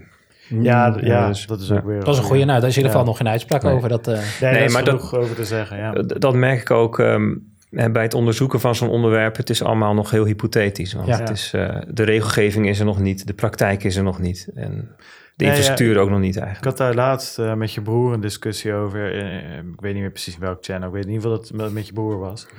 In ieder geval een discussie. Het was meer, ja, we hadden wel een goed gesprek over. Um, dat ging over decentralized exchanges. En dat vind ik ook zo'n onderwerp waar heel veel mensen heel veel dingen over roepen zonder dat daar duidelijk is wat nou de verschillende, hè, wat is nou überhaupt een decentralized exchange? Wat verstaan we daaronder? En is het ja. überhaupt wel mogelijk om een decentralized exchange te creëren? Of zijn maar bepaalde onderdelen van een centrale organisatie dan decentralized? Ja, dat blijft ook een lastige. Ik ben van mening dat het ten eerste op dit moment niet mogelijk is. En omdat uh, de regelgevers zoals de SEC je gewoon degene die dat online zetten uh, uh, boetes van 400.000 dollar geven. Ja. En da daarnaast is het wenselijk, weet het niet. Ja, het is amper bruikbaar. Het is niet snel op dit moment. Het is langzaam zelfs. Nou, het ja, kan technisch ja. natuurlijk wel, alleen legaal is de, is de vraag. Ja, maar ja, in dit geval van, ook, die, van die boete. Ook technisch. Uh, we hebben Ether Delta gezien. Dat, dat, dan zat je uh, soms een paar minuten al op een order te klikken. Niet, die was niet al lang handig. weg. Het is niet fijn ten opzichte nee, snelheid op een Binance, maar het kan. We, kan wel, ja, we zeker. moeten denk ik verschil maken in... Um, wat je zou willen en wat er nu kan. Ja. Uh, en we, we overschatten vaak wat je in een jaar kunt doen en we onderschatten wat je in tien jaar kunt doen. Dat is zo'n bekende uitspraak. Ja. Ik denk dat dat heel erg waar is en voor crypto zeker ook geldt. Um, wat je met een DEX wil bereiken is dat um, je funds niet op um, een wallet van de exchange staan. Dat is denk ik het belangrijkste. Misschien ook wel dat het orderboek traceerbaar is, verifieerbaar in een blockchain. Interessante dingen. Um, kan dat nu? Nee. Over tien jaar? Ja, waarschijnlijk is het dan de standaard. Ook, ja, ook, ook, ook, ook, bij gereguleerde ja. exchanges. Ja. Ja, ja, precies. Maar dan dus heb je het dus weer over... Dan, dan zit daar nog wel gewoon een bestuur boven. Dus mijn, mijn punt is... Um, als je dus gaat nadenken over een decentralized exchange... Um, de frontend, de website... Waar wordt die gehost? Door wie wordt dat gemaakt? Weet je, dat, dat gedeelte zou je kunnen zeggen, nou misschien blijft dat wel, net als bij Ether Delta was dat gewoon gecentraliseerd. Dat werd door één ontwikkelaar gedaan. Kan. Het smart contract waarmee gehandeld werd, dat stond gewoon openbaar. Dat kon iedereen zien. Dat was decentraal. Net als dat je mm -hmm. uh, daar direct vanuit je eigen wallet naar het smart contract kon sturen. Maar het hele ding was, er zat nog steeds één developer achter. Die zat achter de, de website die je zag. En die is ook keihard aangepakt door de SEC. Dus dat is, het, dat is in mijn ogen, zeg maar, hoe, als je dat dus echt zo decentraal wil houden als, als Ether Delta in dit geval, dan moet je dus als developer een soort van undercover gaan, buiten Amerika gaan zitten. Ja, dan ga, dan, dan, dat wordt nu bijna de criminaliteit al ingedrukt. Dus dan moet je bij heel erg ethisch overtuigd zijn dat dat echt nodig is om, om daar je persoonlijke leven compleet voor op te offeren. Dat is een beetje eh, hoe ik het nu op dit moment zie. Ja, maar je kunt het al Grin komt ook voort uit de community, Bitcoin natuurlijk ook. Dus als een community besluit een DEX te maken en inderdaad legal op een gegeven moment mag het en je hebt wel een bepaalde Ja, vanuit die mag, community het mag niet. Nog niet, hè? Nee, dus als ik over dat- die tien jaar waar. focus, hè? Ja, Dus oké. een Ja, ja. estimate dat je over tien jaar kan, nou, dat, dat, dat, dat ben ik wel mee eens. En ja, als een community heb je een, heb je een bepaalde listing vereisten, wat op basis van de wet is. Ja, Dan kun je best een DEX draaien, wat mij betreft. Hè? Technisch, eh, eh, de, de governance kun je decentraal draaien. ja. Precies. De code. Of dat nu al kan en of, dat, of het hout snijdt, waarschijnlijk niet. Maar de stappen worden gezet. Nu zijn we denk ik bezig met techniek, als ik dat zie, Binance en zo. Dat is ook allemaal niet optimaal. Nou, wetgeving komt er hopelijk dan ook aan. Ja. Ja, de tech is er al.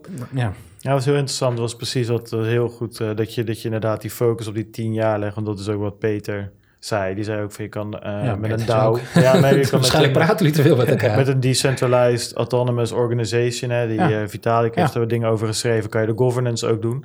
Alleen, ja, wat je ook zegt, dat kunnen we niet morgen verwachten. En dat is wel, hè, als ik dan weer mensen zie reageren op die Binance DEX, dan denk ik, nee, ja, inderdaad, het is niet puur decentraal allemaal, maar je- dat kan ook nog niet morgen. Maar bij Binance Dex heb je in ieder geval nu je eigen je, je coins op je eigen wallet staan. ja, dus het is een decent, ja, in ieder geval dat hebben ze kunnen bereiken. ja, Ja, en deze experimenten zijn nodig om over tien jaar dat te hebben. Weet je, ik vergelijk het wel eens met elektrische auto's. De, weet je, Ja. de, de eerste Prius, ik weet niet of je nog kan herinneren. Het ding was, eh, Nou, ik probeer hem altijd als ik hem zie eh, te vermijden. van de ja, weg af te duwen. ja, je kon je- heel weinig range, weet je wel. Of überhaupt de eerste elektrische auto's. Ze Ja. waren zwaar, ze, ze- crappy wegligging, duur. Niet eens goed voor het milieu vanwege de batterijen.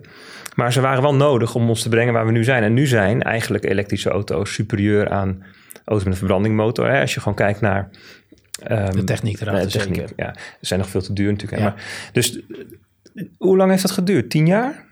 Ja, je, en al die experimenten waren nodig eerst om te komen waar we nu komen. Ja, maar ook daar wordt de infra gebouwd en natuurlijk, hè, nu eigenlijk. Dus Ja, we financieren de infra, dat zijn de palen en, en de, de groene stroom. Nou ja, van het weekend hebben we nog een, eh, een testritje gemaakt in die nieuwe Model 3, even om te kijken. Ja. Nou, inderdaad, dat is natuurlijk wel technisch. Als je, ja, je geeft gas, nou Bart staat erin. Nou, die, Ja. ze- ze- De telefoons vlogen door, eh, door de cockpit daar. het is natuurlijk Ja. wel die, die ontwikkeling. En ten opzichte van Bart heeft heel vaak als voorbeeld dat zijn ouders een Leaf reden. Ja, die, die, die rijdt van tankstation naar tankstation met een haspeltje, weet je. Ja. en, Ja. dacht- en, en Nee, maar- binnen tien jaar kunnen we dus 400 kilometer plus rijden. Dus dat is inderdaad waar. Ja, en, over, en nu over tien jaar rij je dus 1500 kilometer en zijn die auto's er voor 15.000 euro. Ja. Weet je, en dat... Maar dat dus- is altijd hoe, ehm, eh, moet je maar eens opzoeken, staat gewoon op Wikipedia trouwens, die disruptieve innovaties. Ja.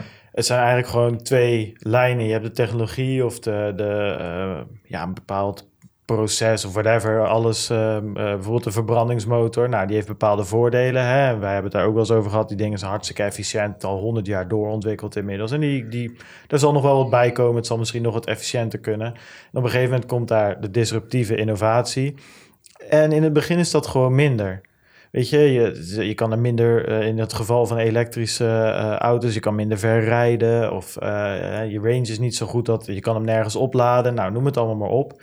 En op een gegeven moment innoveert het, innoveert dat. En op een gegeven moment heb je dat, dat tipping point. En met elektrische auto's denk ik dat we daar nu precies op zitten. En op een gegeven moment schiet dat omhoog.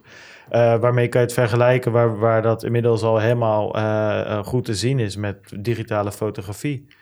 Hè, dat in het begin waren die digitale camera's eh, veel te groot. ehm, veel te langzaam. Ze hadden geen geheugen erin zitten. Hè? Nou, inmiddels heb je micro SD-kaarten van eh 1 terabyte volgens mij. Weet je, dat is... Kodak heeft, ja, dat is een beetje uitgekoud voorbeeld inmiddels, maar die hebben op een gegeven moment, die hadden gewoon het prototype klaarstaan. Die zeggen, nou, dit gaat hem niet worden. Wij blijven bij onze analoge fotorolletjes. Ja, die zijn helemaal kapot aan Ja, de gegaan cash cow op dat moment natuurlijk. Hè. Die had natuurlijk daar zo'n marktendeel dat het... eh, Maar ze hadden ja. het prototype liggen. Weet je, en op dat moment, ja, weet je, iedereen kent het wel, Kodak Moment. eh, moment ja, weet je, dus ze hadden ook prima kunnen, eh, kunnen doorgaan met, met. Ze hebben echt een bewuste keuze genomen, omdat ze niet geloofden in, in, die, eh, in dat prototype. Ja, dat zijn dingen, ja, ik vind het heel interessant. En ik denk dat dat met, met, met blockchain en crypto ook zo is. Maar dan is het dus wel even ervan uitgaande. Hè? Dan moet wel die. Ik denk dat er bepaalde eh, onderdelen van blockchain en zeker van de Bitcoin-blockchain enorm interessant zijn en in, eh, in potentie beter dan het huidige systeem dat we hebben. Maar dan moeten er dus wel een aantal technische onderdelen die nu da- eh, ehm, aanmerkelijk minder zijn dan het huidige systeem, die moeten wel beter worden. Als dat niet lukt, dan blijf je onder die andere curve. Ja, maar daarvoor moet je dus uitzoomen. Ja. We zitten er zo dicht op met onze neus, wij in de cryptowereld. We zien al die kleine dingetjes en zeggen, nou een DEX, nee, dit wordt niks, want het is traag. En we moeten uitzoomen Ja. en naar de lange termijn kijken. En dan zie je dat dat een noodzakelijke stap is om daar te komen. En dan zie je dat bitcoin potentieel ehm, een, een, een wereldwijde um, betaalgeldsysteem kan gaan zijn, wat allerlei hè, fiatmunt vervangt. Dan zie je dat blockchains dezelfde disruptieve mogelijkheid kunnen hebben als het internet had 20 jaar geleden. En ja, maar kijk ook de financiële markt zoals die kennen, nu kennen, hebben we daar ooit een iets als een DEX is dat ooit ontwikkeld? Bestaat zoiets? Ik heb geen idee, volgens mij niet namelijk. Dus inderdaad, met deze nieuwe technologie hebben we het er opeens over. En dan gaat het te langzaam, terwijl onze ja. tientallen, honderden ja. jaren niks... Nee, maar dan eventjes advocaat van de duivel. Bitcoin is slow by design. Mm -hmm. Het is niet mm -hmm. zozeer een, een technische Klopt. beperking. Ja, ook, ook wel uiteindelijk. Maar dat was wel met een keuze. Dus dat vind ik een beetje dat vind ik persoonlijk lastig. Zeg maar dat sterke punt, hè, die hele security van Bitcoin, dat zit er helemaal omheen. Mm -hmm. Dat het nou eenmaal zo traag is, omdat het door heel het netwerk gevalideerd moet worden. Mm -hmm. Dus het, het um, zeg maar bij internet kon je nog zeggen van, nou weet je, uh, op een gegeven moment, weet je, de, de infrastructuur ligt er om meer data over die kabels te pompen. Er moeten alleen nog uh, allemaal, allemaal extra dingen bij gezet, uh, gezet worden.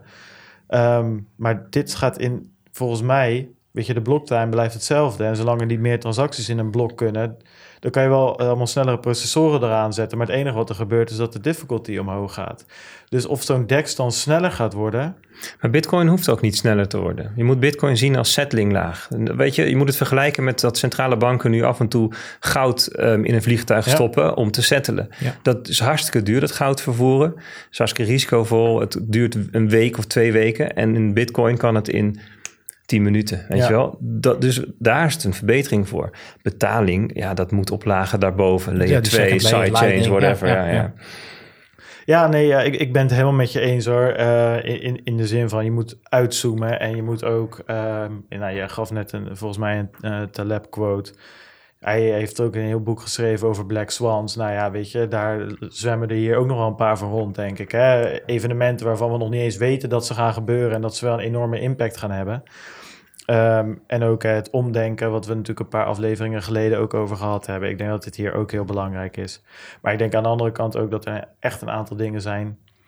Ja, ook weer met Lightning, weet je wel. In, in hoeverre is dat dan nog decentraal? Maar daar, daar, ja, dat, dat gaan we zien, denk ja, ik. Maar dan, weet je, dat wat je zegt, experimenteren. Anders weet je het ook nooit natuurlijk. Um, ja, ik ben wel benieuwd hoe dat... Um, wat zie jij nou als, als, uh, als, als, als je naar al die dingen kijkt die er nu gebeuren, hè, decentralized exchanges, Lightning, noem het maar op, weer uh, Ethereum hard fork, Grin hebben we het over gehad. Wat vind jij nou echt het allertofste initiatief op dit moment? Initiatief? Nou ja, of stroming, technologie, maar als jij nou echt kijkt van in al die, in de hele crypto-wereld, wat is dan nu de, waar, waar, jij je echt het meest op inzoomt of ja, echt wel het meest van wil weten? Ja, wat, waar ik wel mee bezig ben geweest de afgelopen jaren ook is, wat is nou het nut eigenlijk? Ja. Hè, van crypto geld en van blockchain technologie, een beetje als twee soorten dingen. En wat ik nog meer wil onderzoeken en waar ik echt wel het meest um, zelf ook um, mee bezig ben geweest en van wakker lig, zeg maar, is hoe um, een blockchain de infrastructuur weer van, van het collectief kan maken. wat je nu ziet is dat de grote techreuzen, de Googles en Apples, dat die onze wereld beheersen, onze data hebben, onze um, infrastructuur um, uh, ownen. Maar niet alleen zij, ook Uber en Airbnb, om maar even meer een niche te noemen. Uber is monopolist. Die weet precies wanneer jij van waar naar waar gaat. Ja. Um, en die oont die data. En eigenlijk wat ik zou willen is dat die infrastructuur, dat die niet van Uber is, maar dat die van het collectief is. Ja. Um, uh, Rutger van Zijdam heeft daar ook art, mooie artikelen over geschreven. Hè? De, de, de commonization, geloof ik, hè? de commons, een oud begrip. De, de, de meent noemden wij dat vroeger in Nederland. Um, en, en dat kan denk ik hele bedrijfstakken, hele sectoren volledig op hun kop zetten. Ja. Ja, in Nederland vind ik Funda altijd wel een mooi, uh, een beetje undercover uh, voorbeeld daarvan. we hebben allemaal, natuurlijk kennen we Uber en Google en Airbnb. Dat is altijd een beetje fase in, in Amerika. En ja, ik gebruik het soms, maar niet zo heel vaak. Maar Funda, dat is gewoon een monopolist op het gebied van de hele huizenmarkt in Nederland. Die ja. weten precies waar iedereen naar kijkt. Weet je, als je een huis gaat zoeken, ga je naar Funda. Ga je naar Funda. Ja. Booking.com misschien? Ja, dat is natuurlijk ook, een ja, Nederlands. ja, je kunt er wel meer van die grote, dat is niet de monopolist, maar die weten ook al jouw shoppinggedrag. Nee, precies. je ja, en uh, we hebben het natuurlijk over de Albert Heijn, hè? Uh, wel, ja. Nee, maar ik bedoel, je hebt gelijk hoor. Maar voor de luisteraars die het niet weten, Aalt zit daar weer boven. Ja, dat is uh, mm-hmm. aan elkaar gelieerd. Nee, ja, zeker. Ik denk, uh, ik denk dat dat een... Um, ik denk dat dat een mooie streven maar dat, is. dat is ook wel wat, waar ik in geloof. Dat ik de kracht vind. En die projecten die er heel veel mee bezig zijn. Je hebt ook projecten die, bewustzijn creëren. Die vind ik dan leuk om te volgen. Ook gewoon van, ja, het is jouw data die eigenlijk... Dus je bent, klopt. Maar je bent op geen enkel platform of wat je ook in je leven doet... owner van je eigen data. Moet je daarvoor beloond worden misschien? Moet je ook kunnen zeggen, ik haal mijn data weg en ik kan ook daadwerkelijk geloven en zien dat dat daar weg is. En nu, ja, volgens mij is je account, je ziet vaak genoeg van die, van die schandalen, dat een account verwijderd is en opeens wordt het toch nog released, want het was nog ergens en dat soort dingen. En, er wordt aan je verdiend. Nou, dat is niet per se definitie erg, want dat is ook waar die platform op draaien. Ja, maar je weet het niet. Hè? Je weet dat is het. Ja, exact. Wat hebben ze van mij? Dat kun je tegenwoordig wel opvragen. Ja. Nou, is dat, is dat het? Ik, is dat wat ze weten? En, en alsnog kan ik het niet zo makkelijk weghalen. En dat geloof ik, vind, dat vind ik ook wel een mooie movement. Maar hoe snel we daar komen, over dat, hè, dan moet je al die tien jaar vuur. Over daar ja, dat is gaan komen. Dat ook. Ja, nou, ik heb wel geloof in dat dat gaat gebeuren. Ja, nou, ik denk dat we ook daar weer enigszins in onze eigen. Ik merk mijn eigen gedrag. Ja, ja, dat is waar. Maar ik merk gewoon dat ik veel bewuster ben van. Uh, vroeger accepteerde je al die cookies, tegenwoordig ga ik het door. En ik kwam pas op een website waar ik gewoon nou, aan het scrollen was wie ik allemaal consent gaf over wie mijn data kon gebruiken. Echt tientallen firms. Dan denk ik, ja, maar heel je huis uh, hangt wel vol met Xiaomi's. Eh. Ja, weet je, maar, maar, dat, is, dat is niet, dat is niet, niet om jou de... Maar ik, ik denk er zelf ook wel over na. Maar ja, je hebt het ene heb je uitgezocht. En denk je, shit, dan rijdt hij nog een Chinees pratende stofzuigerrobot door mijn huis. En weet je, er staat dit nog. En ja, ik heb een tijdje terug ook wel een VPN dan op, op, op mijn eh, VPN-abonnement genomen. Maar ja, weet je, dat zit dan op je desktop, maar misschien weer niet op je telefoon. En het, het is, je geeft overal waar je bent je data weg. Dat is mijn punt een beetje. Straks rij, uh, neem je misschien een Tesla. Nou, dan hebben die weer je, uh, je rijgedrag. je gaat inderdaad naar de Albert Heijn. Het is... Ja, maar ik ga het voor mezelf ook niet oplossen. Dat, ik, ik ben er lang mee gestopt, joh. Weet je. Het, ik, het enige wat ik goed doe is um, mijn passwords in een password manager. Weet je, dat soort dingen. Die, die security, dat, dat lukt me wel, maar die cookies, het zal me worst wezen. Ja. Weet je, dat, voor mezelf kan ik het niet oplossen. Daar heb ik geen zin in namelijk. Um, en ik vind dat het ook bij mijn um, werk of mijn vak hoort om al die dingen uit te proberen. Ja. Um, maar als collectief kunnen we het wel oplossen. Doordat we straks gewoon niet meer accepteren dat Facebook bepaalt um, wat jij ziet. Dat de nieuwsites met hun algoritmes bepalen wat het nieuws is. Wat wel gecensureerd moet worden en niet. Weet je wel? Dat, dat, dat, dat ooit pikken we dat niet meer. Dat denk, ja, dat denk ik ook. Nou, dan gaan we ja, maar dat maakt die discussie hebben we wel, die bewustzijn misschien door de technologie. Misschien volgende week gaan we het er iets over hebben natuurlijk. Ja, over de hele prijs. Uh, gaan we iets, uh, ja, dat, dat wordt echt uh, enorm leuk. Maar ook, we hebben we, de, de, met, met de gast van volgende week hebben we al eerder wat, wat gesprekken gehad op verschillende borrels en meetings.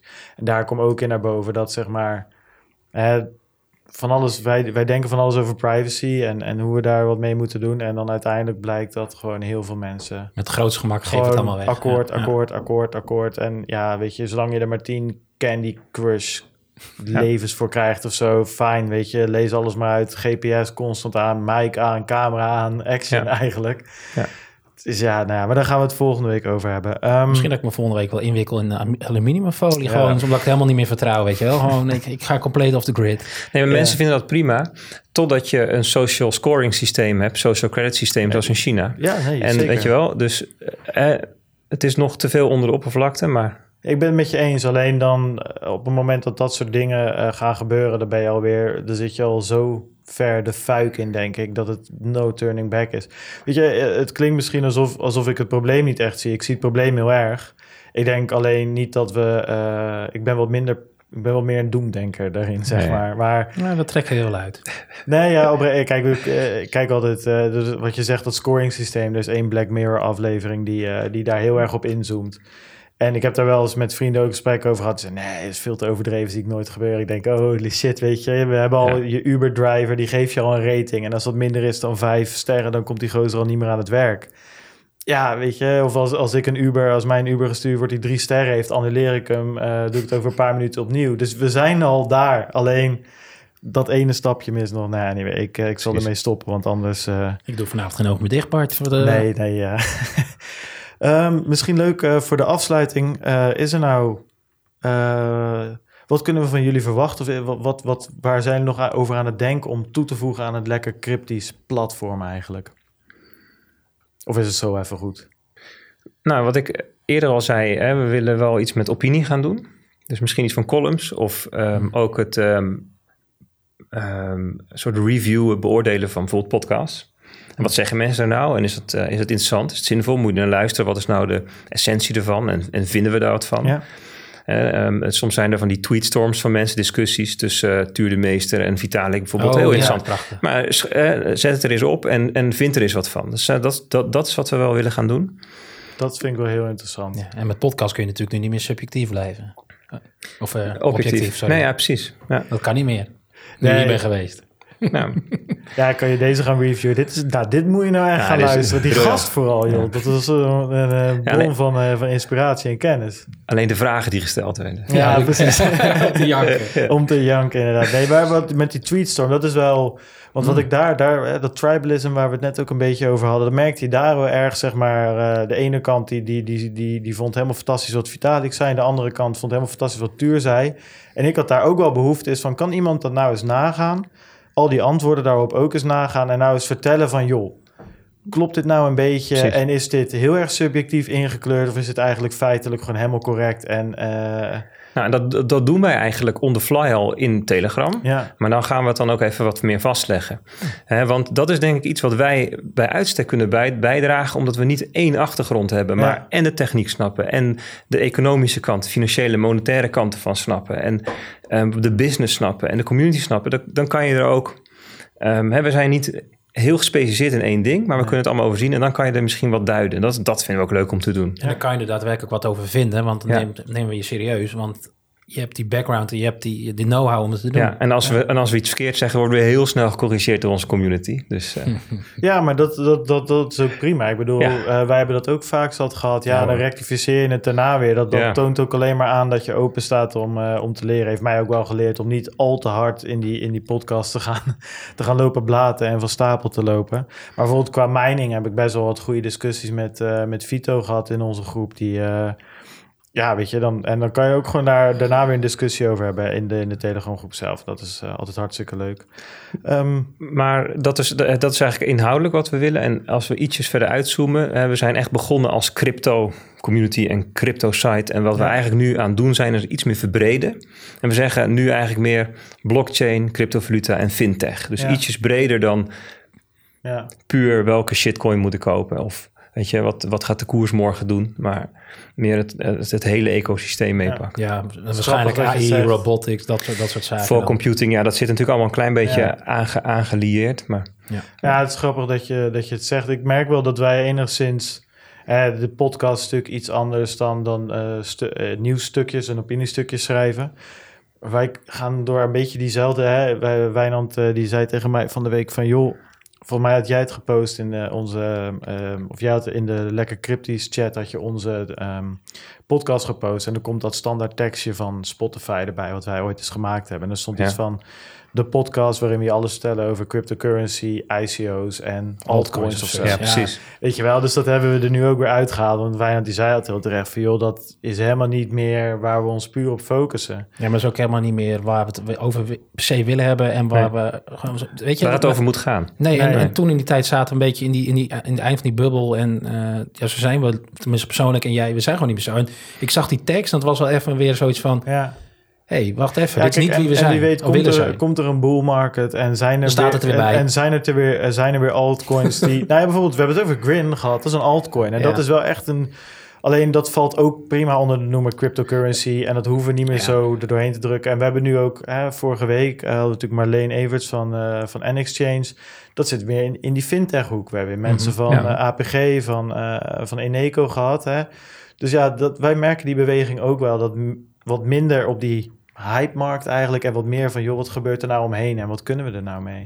En ik denk dat dat ook veel meer toevoegt. En de mensen die er nu nog zijn, die zijn ook niet meer zo geïnteresseerd in, uh, in, in, die, in die hype berichten de hele tijd.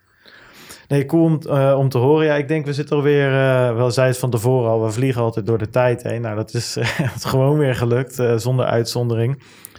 Ja, Bert, ik wil je, ik wil je van harte bedanken dat je er, eh, dat je er was. Um, ja, tot je dienst. Ja, nou ja, ja nou, nee, maar uh, oprecht, uh, ik vond, ja, goed verhaal. Ik had ook niks anders verwacht al in de communicatie hiervoor ook al. En als ik jullie chat en website bekijk. Um, je kan Bert volgen op Twitter, dat is apenstaartje B Slachter. Um, ja, check de website, is lekkercryptisch.nl. Uh, en de Telegram groep staat denk ik ook op de website natuurlijk. Maar volgens mij als je lekker cryptisch zoekt, dan zie je ze allemaal uh, onder elkaar staan. Ga er vooral eens een kijkje nemen. Um, ja, wat ik al zei, ik ben een tijdje lid en ik vind het een hele, hele leuke groep om, uh, om, om te volgen. Dus doe dat vooral. Um, ja, vond je deze podcast leuk? Dan kan je natuurlijk ook onze Telegram groep volgen en ons volgen op Twitter. de links staan op www.stosieradio.nl. Uh, je kan ons ook steunen via Patreon en ook die link staat op de website. Om daar nog wat aan toe te voegen, we kregen van, van de week de, de opmerking: waarvoor kan ik niet doneren via Bitcoin en Ethereum? Ja, hele goede vraag. Geen idee. Dus dat, uh, dat komt er binnenkort gewoon. We hebben ooit uh, helemaal uitgedacht en nooit ja. geïmplementeerd eigenlijk. Gewoon omdat, ja, een beetje van, ja, we doen het compleet voor de fun. En soms is dan de, ja, dat nee, helemaal precies. gewoon niet uh, nagedacht. Ja, nee, ja, boeit ons, of niet, boeit ons niet zoveel. Natuurlijk, ah, we willen iedereen de kans geven om onze steuntje in de rug te geven. Maar ja, ook wij werken gewoon fulltime. Dus ja, weet je, uh, stuur niks wat je niet kan missen. Um, maar het komt op de website. Hè? Ja, er, was, er was vraag naar, dus dat, uh, dat komt erop. Uh, ik wil bij, bij, deze ook al onze patrons bedanken. Um, en jij ook weer, Wijnand. Ja. Is toch weer, toch gewoon weer gelukt, hè? Ja, toch gewoon weer even de anderhalf uur echt. Maar goed, het... Uh... Een beetje christelijke tijd ook, uh, dat we weer klaar zijn. Vijf voor zeven, dus... Uh... Ja, lekker. En het wordt weer, nou, ik wou zeggen, het wordt weer wat langer licht, maar het is nu dus niet meer licht. Maar goed, ja, het was, ik vond het wel leuk. Het was weer, het was weer hartstikke leuk, dat vond ik ook. Dus daar sluiten we mee af. bedankt voor het luisteren en tot volgende week. Adios.